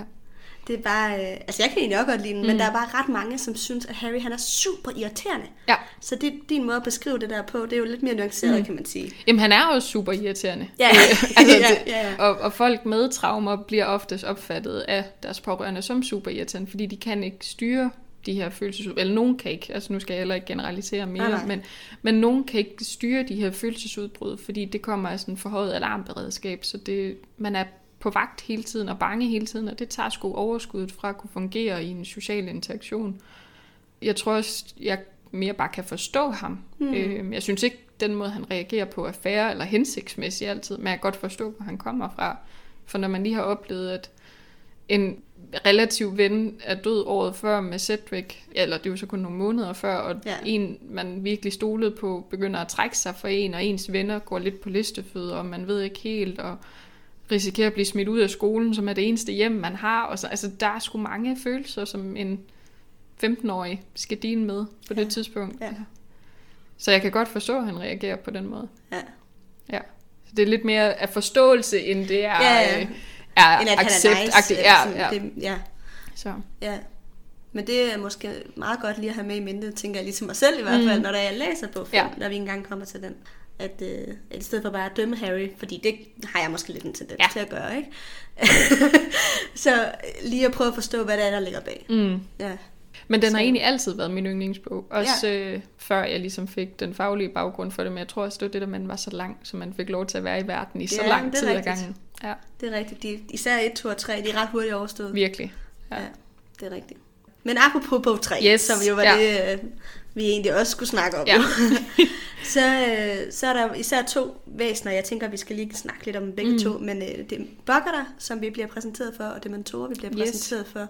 Og det øh, tænker jeg måske er nogle lidt interessante, ja, nu kalder jeg dem væsener. ja. Jeg synes, det er svært lige at finde et andet ord for. Jamen, jeg tror heller ikke rigtigt, der er et andet ord. Nej, Nej. men ja, Ja. fænomener Ja. i den her verden, som vi bliver præsenteret for. Og de kommer faktisk til at fylde ret meget gennem Mm. resten af bogsættet også. Ja. Ja, så Nana og jeg har snakket om, at det kunne være ret interessant lige at høre dig, hvordan, hvordan du øh, tænker om, vi kan tage Bogger først, om. Mm. du synes, det er et godt symbol på frygt, som jeg forstår det. Ja, altså vi som psykologer adskiller man lidt det her med frygt og angst. Fordi da, da jeg først lige sådan blev introduceret til, at I gerne ville have interviewet mig, der var jeg sådan, nej, men Bokker, der er det 100% symbol på angst, men, men det er det egentlig ikke, fordi man skiller mellem, at frygt har et hvad kan man sige, konkret objekt, og sådan set et fair nok objekt at frygte, hvor angst er mere ukonkret. Så frygt er for eksempel, hvis du står på en savanne, og der er en løve foran dig, så det er fandme en god ting at være bange, altså så, Ah. så dur det ikke Ja, hvor angst er lidt mere udefinerbart. Der er måske ikke sådan et decideret objekt eller ting, du er bange for. Så det her med, at folk kan have social angst og kan være bange for sociale situationer. Sociale situationer i sig selv er ikke farlige. Så på den måde skiller man, hvor frygt, der er det et, et oprigtigt farligt objekt eller ting eller person, du er bange for. mm. hvor angst kan føles. Det føles på samme måde, Ja, men hvad der udløser det, er lidt forskelligt. Så angst bliver en mere subjektiv vurdering af, at noget er farligt, hvor frygt, der er det en mere objektiv vurdering. Sådan meget groft sagt. Ja, ja, ja, ja, men det er fint nok. Ja, ja. Altså. Og hvad tænker du så, en boggart er et udtryk for? Jeg tænker, det er et udtryk for frygt for de fleste. Man kan sige, i bog 3, hvor børnene øh, netop ser en, hvad er det, en mumie og en Ron, der ser sin æderkop og sådan noget, det er trods alt objektivt farlige ting. Man kan så lige diskutere, om de eksisterer eller ej, men det er objektivt farlige ting. Og en boggart er jo nødt til at forvandle sig til noget konkret, hvor for eksempel med Molly Weasley i, det er også bog 5 faktisk, hvor hun ser alle sine børn dø, og Arthur dø, og Harry ligge død. Altså der er det jo, man kan sige, det er på en måde lidt ukonkret, fordi det jeg læser som, det er, hun er bange for at miste. Mm. Og, og den er ukonkret, men boggart, og den er nødt til at tage en eller anden form, så det bliver, her ligger de og døde alle sammen. Så boggarten er nødt til at være meget konkret, før at den ligesom kan ja, Ja, kan eksistere. form. Ja, Ja, det er det, så ja. den, den bliver jo et symbol på det, du frygter. Ja, Ja. Så på den måde synes jeg, det er mere et symbol på frygt, end det er på angst. ja. Man kunne måske sammenligne det lidt med Neville, der er bange for Snape. Ja, Fordi det- det er vel ikke altså Snapes fysiske krop, Nej. han er bange for. Det er det jo ikke. nej. Altså han er bange for at have ham som lærer, Ja. fordi han føler sig udstillet, og det er ikke rart. Og... Ja, han er mega ubehagelig. Ja. Altså, man kan sgu godt Han forstå er det. Ja, man kan godt forstå, ja, hvad han er bange for. Ja, det er ikke ud af det blå. Nej. Men det er bare, at- at det er måske mere de følelser, Snape skaber i Neville, mm. end det reelt er Ja, Snape. Lige Fordi netop. Snape jo ikke gør ham noget Nej. sådan. Altså, jo, det gør han, men, men han vil jo ikke slå ham ihjel, Nej, mener jeg bare. det er det. Ja. Og det er lidt det, som der jo også sker ved angst, at der er det nogle følelser, der bliver vækket i en af en situation, eller objekt, eller tv-program, personer, whatever, som man har haft nogle oplevelser med, at når jeg er i den her situation, så sker der noget, der er ubehageligt, og det er farligt, og så bliver jeg bange for at opleve det igen. Mm. Så det er også sådan lidt angsten for gentagelse af ubehagelige ting. Ja. Ja. Ja. Er det også altså, derfor, at Harry Spoggart er en dementor? Åh, oh, jamen det, den har jeg også øh, Nu ved jeg lidt. jeg sådan quizzet mig selv lidt over, eller jeg ved ikke, jeg testede mig selv lidt over, for jeg, jeg kan ikke helt finde ud af, fordi Lupus siger det her med, at Harry har en dementor som boggart, fordi det han frygter, så er frygten selv, men det er slet ikke sådan, jeg læser det. Nej. Hvis man samtidig ser, at en, en dementor skal være tegn på en depression, som J.K. Rowling jo har beskrevet det, hvilket også giver rigtig, rigtig god mening for mig. Så jeg ser det mere som, at en dementor trigger nogle minder i Harry, som han finder så ubehagelige. Så det er igen det her, de traumatiske vilkår, han har haft i sin opvækst. Ja, det er det, han er bange for. Han er bange for at blive mindet om de ubehagelige ting, han har oplevet. Mere end at det er frygten for frygten selv. Altså det, den, Ja. den ser jeg ikke. Jeg ser det mere som, han er bange for at have det ubehageligt at blive mindet om ting, der er ubehagelige for ham. Ja. Det synes jeg giver rigtig god mening, fordi den har, fakt, den har faktisk altid irriteret mig lidt. Mm. Den der, og det er sådan en meget ikonisk sæt, Ja. Lupus kommer med der, at du, det du frygter er frygten selv, mm. ikke? Men der har været et eller andet, og det er ret fedt, du lige sætter ord på det, for der har også været et eller andet, der har skuret i mine ører. Ja. For jeg er sådan lidt, "Jamen, det er jo ikke helt det, en dementor er. Nej. Det er jo noget lidt andet. Altså, for det er jo det er en bokkert gør. Ja, Så det er sådan lidt, lige netop, fordi en dementor gør ikke, at man bliver bange, den gør, at man bliver håbløs og trist og kold, og alle de her virkelig ubehagelige følelser også. ja, Og det kan godt føre frygt med sig. Men, men jeg synes ikke, at den udgyder frygt. Altså det, det er ikke det, den gør. Den udgyder modløshed og håbløshed. Og fjerner alt positivt. Så der er selvfølgelig en forbindelse, men, men jeg synes ikke, at det er en dementor er lige med frygt i mine Nej. øjne. nej. Nej. Men er den så et godt symbol på depression? Det synes jeg. Jeg fandt faktisk et citat, og jeg elsker, når I har citater med, så Ja. det bliver simpelthen... Fedt. Men Hagrid beskriver, efter at han har været i Azkaban, at, så at gruppen nede og snakke med ham, hvor han siger, man kan slet ikke huske, hvem man er efter et stykke tid, og man kan heller ikke se nogen mening med livet længere. Og det er så god en beskrivelse på en depression, fordi man kan ikke... Øh, man kan slet ikke se noget positivt ved sig selv, når man er deprimeret, eller igen, nu er det meget generaliserende, men, men de fleste er svært ved at se positive sider ved sig selv. Man bliver fanget i negative tankespiraler, så alt, hvad man gør, siger, tænker, bliver fortolket mere negativt. Så hvis jeg kom til at gøre et eller andet over for dig, eller sige et eller andet til dig, så vil jeg begynde at tænke, åh nej, ej, nu synes Amalie sikkert også, at jeg er bare mega dum, fordi jeg sagde det her til hende, og åh nej, hvad vil hun ikke tænke, ej, jeg er også bare en fiasko, jeg dur heller ikke til noget. Og det er selvfølgelig meget karikeret, men, mm. men man kører ud i nogle negative tankespiraler, der får en længere og længere ned i et sort hul, når man er deprimeret. Og det gør, at man har svært ved at se nogen håb for fremtiden. Det kan gøre, at man har svært ved at se nogle lyspunkter ved sig selv, så ens selvværd bliver mega påvirket. Og det gør selvfølgelig, at man bliver trist. Altså hvis man ikke kan se noget positivt ved sig selv eller livet, så er det svært at finde noget at være glad over. Hmm. Og dementor suger alt glæde ud af de rum, de er i, eller de situationer, de er i. Så på den måde synes jeg, at de er et virkelig godt billede ja. på depression. Og selvfølgelig gjort mere monsteragtige, fordi ved, at de kan suge sjælen ud af et menneske. Ja, jo, jo. Men, men de, jo, men der er jo faktisk også folk, der dør af depressioner. Det er der nemlig. Det, altså, det, det, det vi jo desværre der er alt for mange, der dør af psykisk sygdom. Ja. Øh, og folk, der har en psykisk sygdom, har en meget større selvmordsrisiko end andre mennesker. Ja. Jeg mener bare på den måde, at ja. det er måske ikke så, så mærkeligt, at det er noget farligt, mm. fordi det, det er det faktisk. Det er super farligt. Total, det er totalt ja. underkendt i vores samfund. Ja. Det, og jeg, jeg vil også godt lige som fagperson sige, at hvis I oplever, at I har det dårligt, så tal med en professionel omkring det, og opsøg hjælp, for der er hjælp at hente. Man skal ikke gå alene med at have det dårligt, ligesom Harry gør. Ja, altså det, han kunne godt bruge en. Han er med med dårligt til at snakke om tingene. Ja, altså det, ja. ja. Har du mere at tilføje, tænker du, til det der med buggerter og dementorer? Er der noget, du gerne vil have sagt, som du ikke lige har fået nævnt? Jo, jeg synes faktisk, at den måde, man øh, fordriver en boggart på, eller bekæmper den med ridiculous besværgelsen, den kan faktisk godt få mig til at tænke på, hvordan man også behandler angst. Der er selvfølgelig ikke lighedstegn mellem, men det jeg ser det som, at eleverne de gør, det er, de gør den her ting, der skræmmer dem mindre farlig. Og det er sådan set det samme, man gør i angstbehandling. Det gør man bare gennem eksponering, så det handler om at udsætte dig selv nok gange for det, du synes er ubehageligt og angstfyldt, til det ikke er skræmmende længere. Så man kan sådan lidt banalt sammenligne det med at se en gyserfilm 10 gange. Når du ser den 10. gang, så er den ikke farlig længere. Mm. Eller du får i hvert fald ikke lige så store chok. Fordi det mange folk med angst oplever, det er, at hvis jeg udsætter mig selv for noget, der er farligt, så får jeg det så ubehageligt, at jeg dør af det. Og det er jo derfor, der er rigtig mange, der får angstanfald. Men angst er bare en følelse. Altså det er ikke noget, man dør af. Det er mega ubehageligt at opleve det. Men man falder også ned igen, fordi en følelse kan ikke bibeholdes den samme intensitet i så lang tid ad gangen. Så hvis man er i noget, der er skræmmende lang tid nok, så vil det også blive mindre skræmmende. Så oftest, når man laver eksponeringsøvelser, så siger man, at man skal være i noget i... Og det er lidt forskelligt afhængig af, hvad opgaven er, men ofte så er det sådan noget 35-45 minutter, eller til ens følelsesintensitet er halveret. Og det er jo lidt det, jeg ser, de gør med børnene her også, hvor de netop gør det, der skræmmer dem, mindre skræmmende. Så gør de det så ved at latterliggøre det, det kan man også mm. ikke gøre.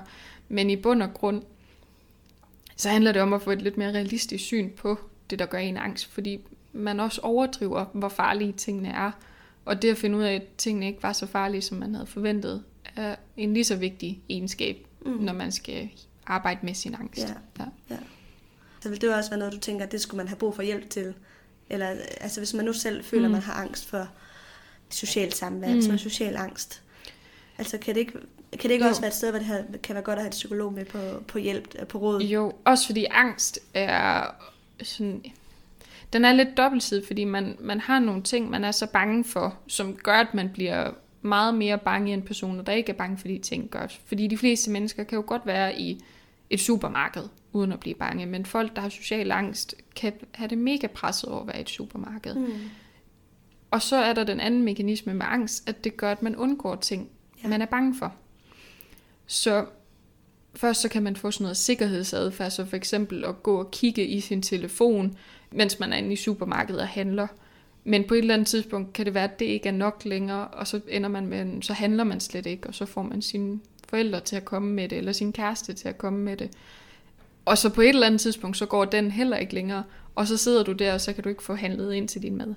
Og det er jo problematisk.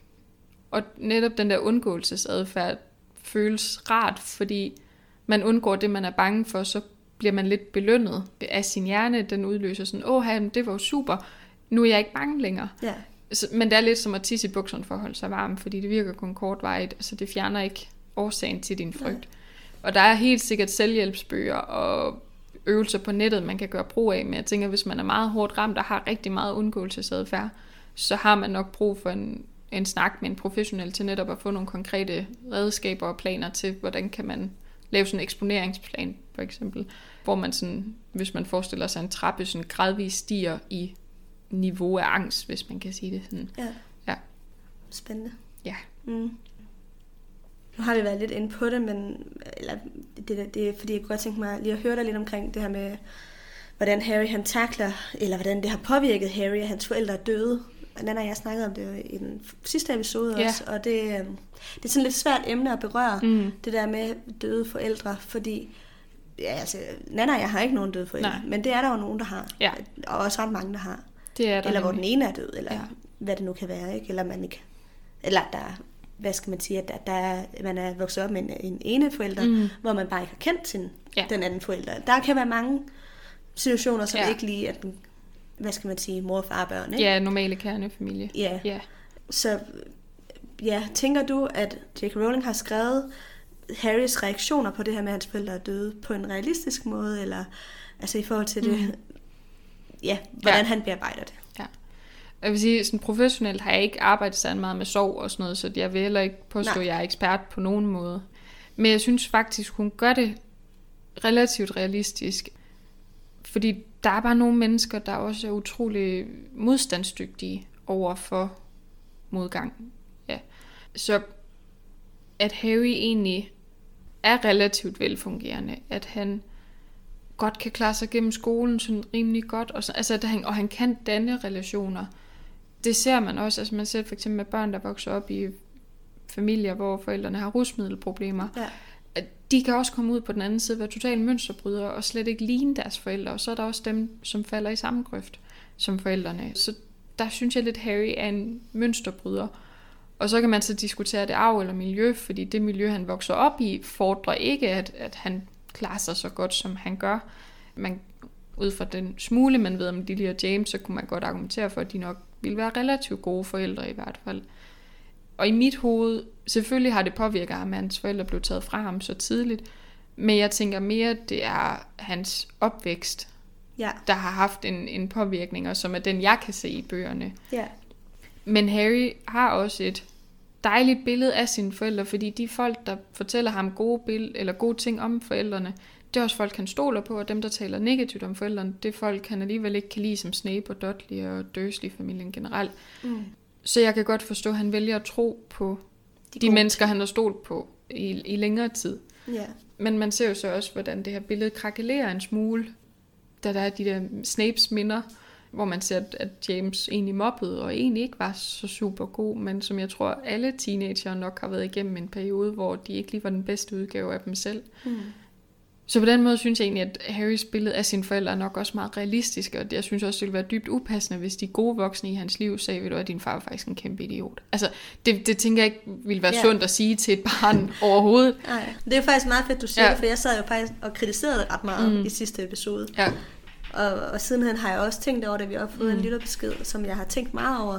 Og, Ja. øh, og at, at det jo, det kan man jo i og for sig også godt forstå, mm. at man har brug for.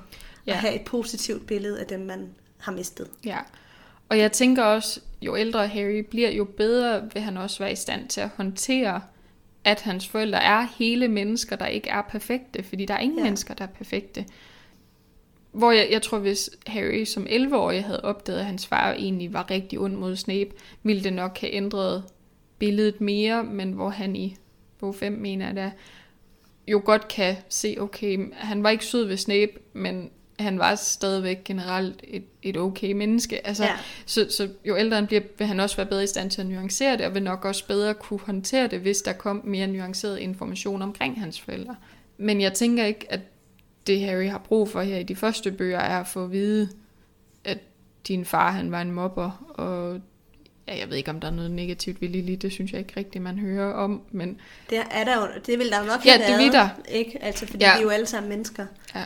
På godt og ondt. Så Ja, så den her lidt, hvad kan man sige, helgengørelse, som Harry gør af sine forældre, den tænker jeg er meget normal, og nok også rimelig sund.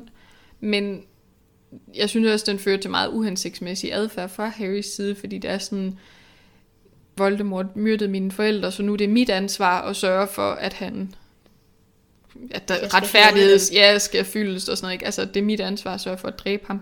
Og jeg ved godt, der er en profeti, der teknisk set siger, at det er det.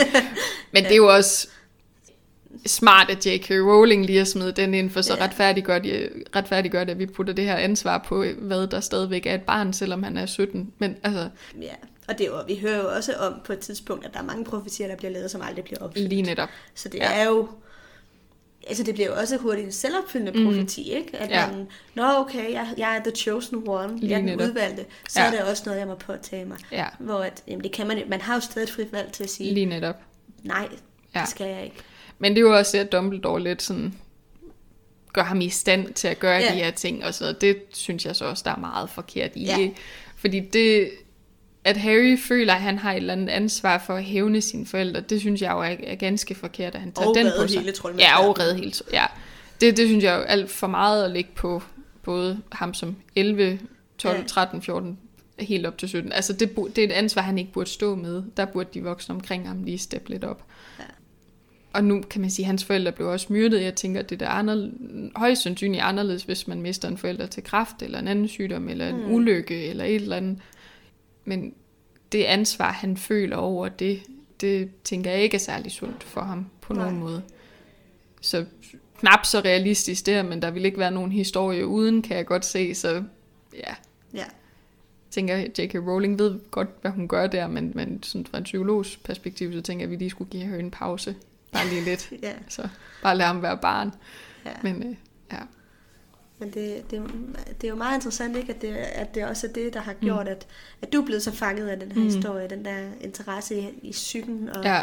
is, måske hører jeg især Harrys psyke, eller er det også de andre, du er blevet fanget af? Altså man kan sige, man er jo inde i hovedet på Harry. Ja, ja. øhm, så, så han er lidt mere tydelig i Ja, hvert fald. Men, men generelt, relationerne mellem de andre, synes jeg også er rigtig spændende. Jeg synes også, man kan læse meget ud fra det. For eksempel det her med, at Ron er totalt usikker, fordi han er vokset op i en søskendeflok, der er så stor, hvor der aldrig sådan er rigtig 100% opmærksomhed på nogen, fordi der er så mange, altså, Mm. hvor det synes jeg trods alt, Molly og Arthur klarer relativt godt, men de bliver ja. Ja. nok også fremstillet som om, at det er lettere, end det egentlig er. For jeg tænker da ikke, at med syv børn, at alt er fryd og gammel hele tiden overhovedet, og jeg tror, at børnene kommer til at skulle være meget selvstændige.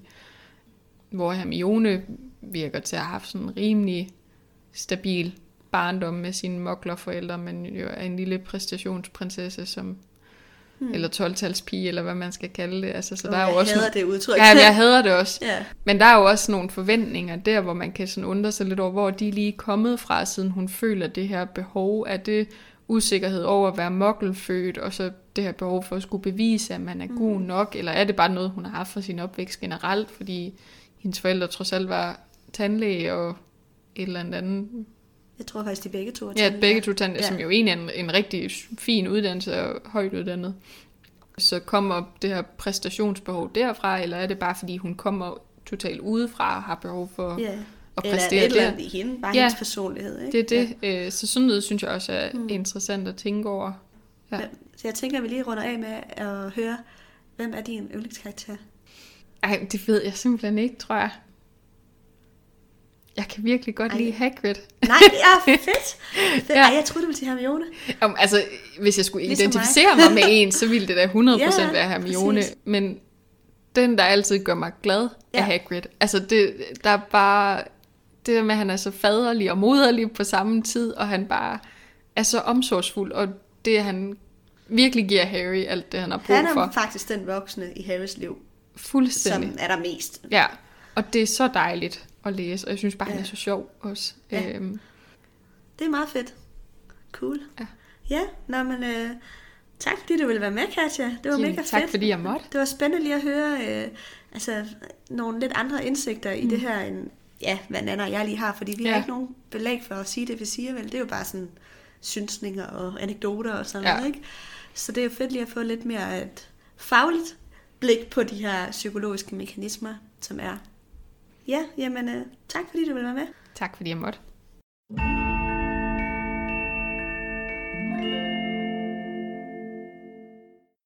Ja, kunne du lide det? Det var skide godt. Hun er simpelthen så skarp. Altså, helt ærligt. Hun kunne i hvert fald sige det meget bedre, end vi kunne. Ja. Det må jeg Så- sige. Tak til dig, Katja. ja, og hun bad mig for øvrigt understrege, at øh, nu talte hun ud fra et generelt synspunkt, og hun vil ikke, altså man skal ikke tage det personligt, hvis man føler sig ramt af et eller andet, fordi det er et generelt udsagn, de, mm. det hun er kommet med. Det er jo ikke, alle er jo forskellige. Selvfølgelig. Ja, så det var bare lige vigtigt at få understreget. Selvfølgelig. Men øh, så har vi jo lidt fun facts at slutte yeah. den her episode af på. En blanding af fun facts og bloopers, tror jeg det bliver. Ja, Fordi jeg tror, du har taget det ene, og jeg har vist ja taget du har det taget, andet. så taget ting, der er gået galt. Ja, Ja. ja. som vi på en eller anden grund ikke lige sådan passer okay. Helt ind i, i det, vi har fået at vide, det skal. Skal jeg starte? Ja, det synes jeg. Det her er den første film, hvor at der er blevet lavet individuelle designs på tryllestævne. Uh. Mm. Og det er også den første film, hvor det regner på Hogwarts. Nå. Okay. Det tænker man jo ikke Hvad er det for over. en scene? Kan, Øh, kan du huske jamen, det gør det blandt andet der, hvor de er dyr på Nå ja, sovesalen. det regner på vinduerne, det er mm. rigtigt. Ja. Det er rigtigt, det kan jeg faktisk godt huske, nu siger det. Så er det også den første film, det har vi lidt snakket om, men hvor der udføres magi uden tryllestav. Mm. Og det er ikke bare ham, troldmanden med teskeen, det er også Dumbledore, der tænder lys og slukker lys. Ja. Og Lupus, han åbner også en kiste på et tidspunkt uden tryllestav. Mm. Det sker flere gange. Ja. Ja. Hvilket faktisk generelt ikke er en normal ting i det her univers. Nej, vil jeg bare lige men sige. det foregår ret mange gange i den her film. Ja. Mm. Så er, har logoet ændret sig en lille smule Mm. fra de forrige to film. Y'et øh, hale, eller hvad man skal kalde den, mm. er længere, og P'ets hale, eller streg, er også mm. længere. Det bliver sådan lidt mere sådan højt, eller sådan udstrukket, hvis ja. man kan sige sådan. Ja, lidt. Det er i hvert fald ændret sig lidt.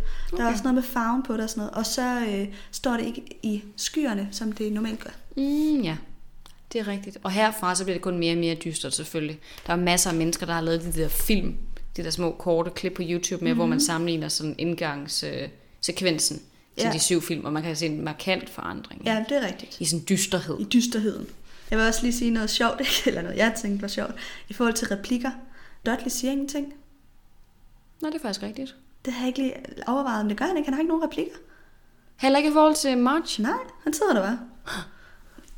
Og, Ej, hvor synd. og apropos øh, replikker, det er den eneste film, hvor Dumbledore ikke siger Harrys navn. Nå. Dumbledore siger ikke Harry Potter en eneste gang i løbet af filmen. Men de snakker, de snakker kun rigtig sammen inde på hospitalfløjen, gør de ikke det? Jo, men... Er det ikke sådan det eneste Jo, men tidspunkt? man hører jo også Dumbledore snakke med Snape, for eksempel. Der, Ja. hvor de ligger inde i sovesalen. Det er rigtigt. Man ser ham flere gange, men han siger ikke Harrys navn en eneste gang. Mærkeligt. Mm-hmm. Mærkeligt. Det er sådan nogle, sjov, sådan nogle små sjove ting, synes Ja. jeg. Ja.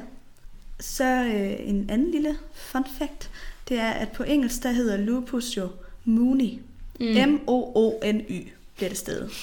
Men på røverkortet, som vi ser i filmen, står der Moony stadig med M-O-O-N-E-Y. Der er altså tilføjet et E i navnet. Og det var en øh, lille sjov gimmick, som ham, der stod for de visuelle effekter på filmen, han ville lave, for han hedder nemlig Carl Mooney, Ah. stedet med et E. i. Så det var for lige at evige sig selv, at han havde fået og, det fik, og det fik han lov til? Der var jo ikke nogen, der havde lagt mærke til det. Nå. Så han havde bare lige tilføjet et E i Mooney. Fandme. Det er fandme frægt. Ja, ret frem. Men det kan jo også være, at de aldrig opdager det, ikke? Altså, at det bare er sådan... Der er altså nogen, der har opdaget det, de altså fortalte historien, ikke? Men, det, øh, men, øh, men ja. det kunne jo lige så godt have været en fejl. Sjovt. Og så siger øh, Dumbledore så på et tidspunkt, at øh, få vil lytte på tre 13-årige. Mm. Men de er, både Ron og Hermione er jo faktisk 14 år. Nå, gud. Ja, Det er okay. kun Harry, der er 13. Ej, hvor sjovt.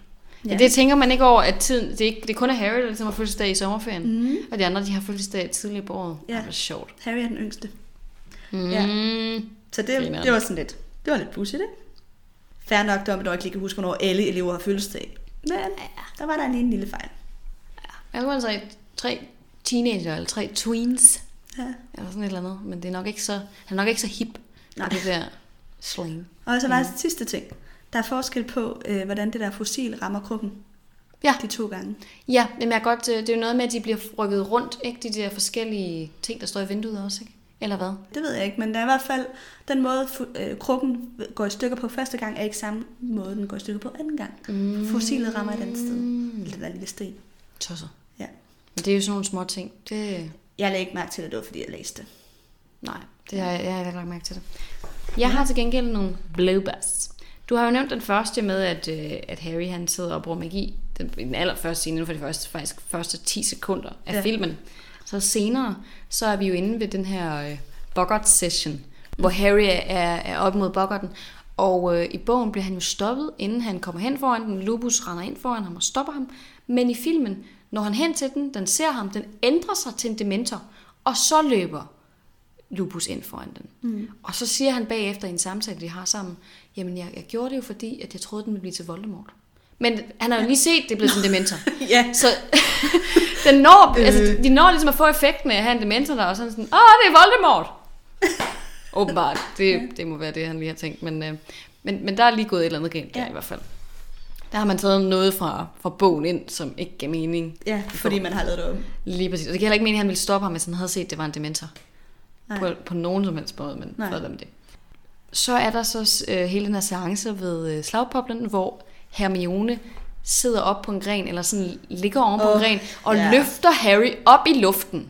Og hun er altså en 13-årig pige. Ah, 14. 14... Fuck. Hun er en 14-årig pige, mm. og hun har altså ikke superkræfter. Men, men Plus, at øh, der hvor hun rækker armen ud og tager fat i ham, ja. går der sådan to sekunder, ja. hvilket føles som lang tid, da man ser det, Mm. før at han ligesom flyver med. Det er jo. Ja. Der er sådan en pause. Ja, men det er det der komiske element. Ja, Ja, det folk skal være sjov for os. Det er ligesom ja. alle de der andre sådan lidt småskøre ting. Det var for at gøre det lidt ekstra sjovt. Ja. Men det er ikke så realistisk. Og det det er heller ikke, fordi hun lige pludselig kan sådan trylle sig selv stærkere. Det har hun ikke gjort. Nej. Så det er bare sådan en lille smule skørt. Så var der en ting, som jeg opdagede, da, da jeg sad og så filmen, som jeg ikke havde tænkt over før.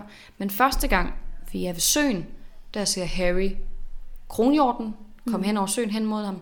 Og anden gang, hvor han står på den anden side og laver patronusen, er der ikke nogen kronhjort. Nej. Der er bare sådan en mist, eller et skjold af sådan patronus. Der er ikke noget dyr, der kommer ud af den. Der er ikke noget dyr, der kommer tilbage til ham. Den, den har slet ikke nogen form i anden omgang. Og det, er- det må være en fejl, at de har simpelthen glemt. Nå, det har jeg faktisk ikke tænkt som en Nej. fejl. Nå. Det har jeg bare tænkt som, at den, der er over for dig, ser noget andet end den, der den Ja. bag ved. Men vi får jo at vide i bogen, at første gang han ser kronhjorten, der tror der kan han bare se det et dyr. Han kan ikke se, hvorfor dyr det er. Han kan bare se, at der er sådan et eller andet, der kommer hen mod ham. Og da han så står på den anden side, så kommer det hen mod ham, og så kan han se, at det er faktisk en kronhjort. Ja. Og det er der, så, så går der ligesom en tanke op om, Gud, det er derfor, at der stod krone. Mm. Ja, ja, men det er rigtigt nok. Der er, der er Altså, han, han ser den i anden omgang. Han, han opdager, at det er et rådyr eller en kronhjort i anden, anden omgang, og det gør han ikke i første omgang. Nej. Så derfor skal han se den som et, i den Ja. anden gang han gør det. ja. Det er jeg i hvert fald ret overbevist om. Så må I Ja, ja, men det er Skriv rigtigt ind og fortæl der mig er om, så at- lavet en fejl i filmen. Yes. Ja. Glad that you agree. Ja. Efter noget overbevisning. Og så øh, det aller sidste, som ikke rigtig er en blooper, men mere sådan lidt en fun fact. Det var, at jeg havde på et tidspunkt set på nettet, at øhm, i rulleteksternes sted, der er der to par fødder, som står i et lille hjørne og kysser. Nå, ja. Ja. Og så fik jeg, øh, min kæreste og jeg, vi så var sådan, jeg sagde sådan til Daniel, nu skal du lige være skarp, der kommer nogle fødder på et tidspunkt. Og så gik det op for mig, at de her rulletekster, de er bare fucking lange. Altså, de var sådan tre minutter. Ja. Så vi sad i tre minutter og kiggede på alle de der fødder og var sådan, hvor kommer det hen? Det skal være et eller andet hjørne sted.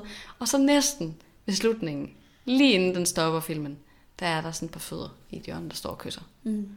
Så ja, det var bare sådan en lille note, hvis der er nogen, der vil sidde og kigge efter fodspor. Ja, Der var også fodspor efter en hund og nogle fugle på et tidspunkt, ja.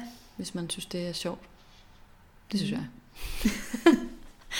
Det var første gang, hvor man laver en lidt anden form på rulletekst. Ja, jeg synes, I den et noget. toren, der, er det- der er det jo bare helt almindelig klassiske rulletekster. Ja. Her er der lige gjort lidt ud af det. Mm. Ja, Men det det, fungerer. er- det er en fed detalje. Det kunne ja. Virkelig noget, men det var fandme lang. Ja. Altså helt vildt. Ja. Jeg plejer heller aldrig at sidde og se rulleteksterne, men, øh, Nej. men der var lige en grund til det Det er sjovt nogle gange, når man er i biografen generelt. Der er jo nogen, der går meget op i rulletekster, som sidder konsekvent ja. og ser hele filmen til Ja. slut med rulletekster. Men det er også typisk, hvis det er en Marvel-film, for der er en grund til at se dem færdig. Der, der har de nemlig efterladt et klip nede i bunden til dem, der lige bliver siddende Nå, okay. og venter. Øh, Et klip eller nogle gange to. Og dem har jeg så ikke set, men der er også nogen, der går op i det til, generelt til film. Ja, Jeg har det er været lidt biografen mærkeligt. med nogen, hvor, de, hvor jeg spurgte, hvor jeg sådan ikke med ud. Og de sådan, nej, vi bliver altid at sætte det til det sidste. Okay. Weird. Gud, hvor weird. Men hvis man nu lige, næste gang man er i biografen, lige kigger, der er jeg tror faktisk, nu har jeg lagt mærke til, at der er faktisk altid nogen, der bliver siddende mega længe. Det vil jeg lige notere mig. Ja, Især hvis det ikke er en Mar- Marvel-film, fordi ja. Så, så giver det rent det giver faktisk ikke mening. altid mening. Sjovt. Nå, anyway. Ja, det Ja. var jo øh, Det var den film. sæson 3. Ja. Så kom vi igennem den. Wow. og vi har været i gang, hvad? to og et halvt år eller sådan noget. Det har taget to, to og et halvt år at lave tre, Tre. sæsoner. Mm. Ja, ja.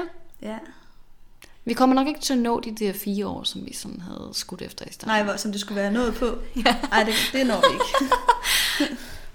det når Det har sgu været godt. Det var, det var en god bog. Ja. Altså, den kunne noget andet end de andre to i hvert fald, synes Ja, jeg. jeg kan, altså jeg kan godt lide, at vi kommer op nu, hvor at de bliver lidt ældre, karaktererne. Ja. Der, der er nogle flere ting, der udspiller sig. Der er nogle, der er nogle flere ting, der, der de reflekterer over det på et andet niveau. Og det er jo også det, jeg synes er så fantastisk skrevet af J.K. Rowling, at, Ja. at, at niveauet for deres samtaler og niveauet for, hvad de tænker mm. over, det, det bliver også hævet i takt med, at de bliver ældre. Ja, det gør det. Det gør det. Man kan være... Altså, man bliver mere investeret i dem, jo ældre de bliver, fordi de bliver mere intelligente og mere autentiske Ja. karakterer på en Ja. anden måde. Ikke? Jeg glæder mig til fireren i forhold til sådan også forholdet mellem dem. Mm. Også det her med romancen, der begynder at spire. Harry, der begynder at få et godt øje til, til Cho Chang. Ron og Hermione, der, hvor der begynder at ske nogle ting. Mm. Det er Og ret... lidt jalousi i Jamen, forhold det det. til Victor. Jamen det, og, det, det, ja. det synes jeg faktisk var virkelig sjovt at læse. Og jeg kan huske, at da jeg kom videre til bog 5, der var jeg faktisk en lille smule ærlig over, at øh, kontakten til, til Krum ligesom blev kottet lidt fra Hermiones side, for jeg var sådan, ah, det var ret fedt, hun havde scoret sådan en mega lækker dude. Hvad fanden skete der lige der? Hvorfor faldt det ligesom fra? Mm. Men, øh, men altså, så skulle hun ende sammen med Ron og bla bla bla. og Det har jo J.K. Rowling jo så fortrudt, men øh, de fungerer nu meget godt sammen, synes jeg. Mm. Ja, synes jeg også. Ja, men det bliver spændende. Mm, jeg glæder mig også til sådan at se, altså få- analyseret den bog og set, hvad, hvilke små ting har hun egentlig lavet af sådan små gimmicks, ja. eller Ja. nu har vi jo snakket meget om i kraft af filmen, for den ikke fungerer særlig godt. Nej, nej, jeg- vil sige det sådan, at nu har jeg været positiv under den her gennemgang. Det bliver jeg ikke under Nej, den næste gennemgang Ej, af nej. filmen. den er Men, Men, øh, ret skidt Den tid, den plot-wise. sov. Så Ja. er man forberedt. Den bliver, Men bogen er god. bogen er vildt god, Mm. og jeg glæder mig til sådan at gå i dybden med også Voldemort på den måde, han kommer til op, mm. altså optræde nu, at han får en større rolle, Ja.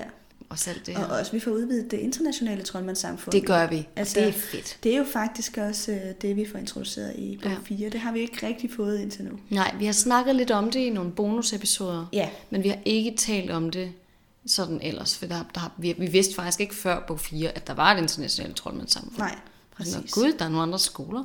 Mm. What? Det er jo mega Så fedt. der bliver lige lagt nogle lag på, og der bliver lagt lidt mere ind omkring straf også, Mm. i forhold til Alistair. Og, Ja, øh, vi får noget med, hvordan medierne arbejder. ja, vi får Rita Rivejern. info- Ja, det er rigtigt. Vi får introduceret Rita Rivejern. Fantastisk øh, interessant Så karakter. grineren.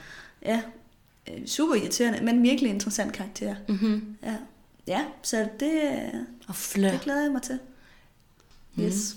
On that note, skal vi så ikke øh, sige tak for i dag? Jo, det synes jeg, og så, så, så ses vi jo, når vi ses. Ja. Til næste sæson. Hej hej!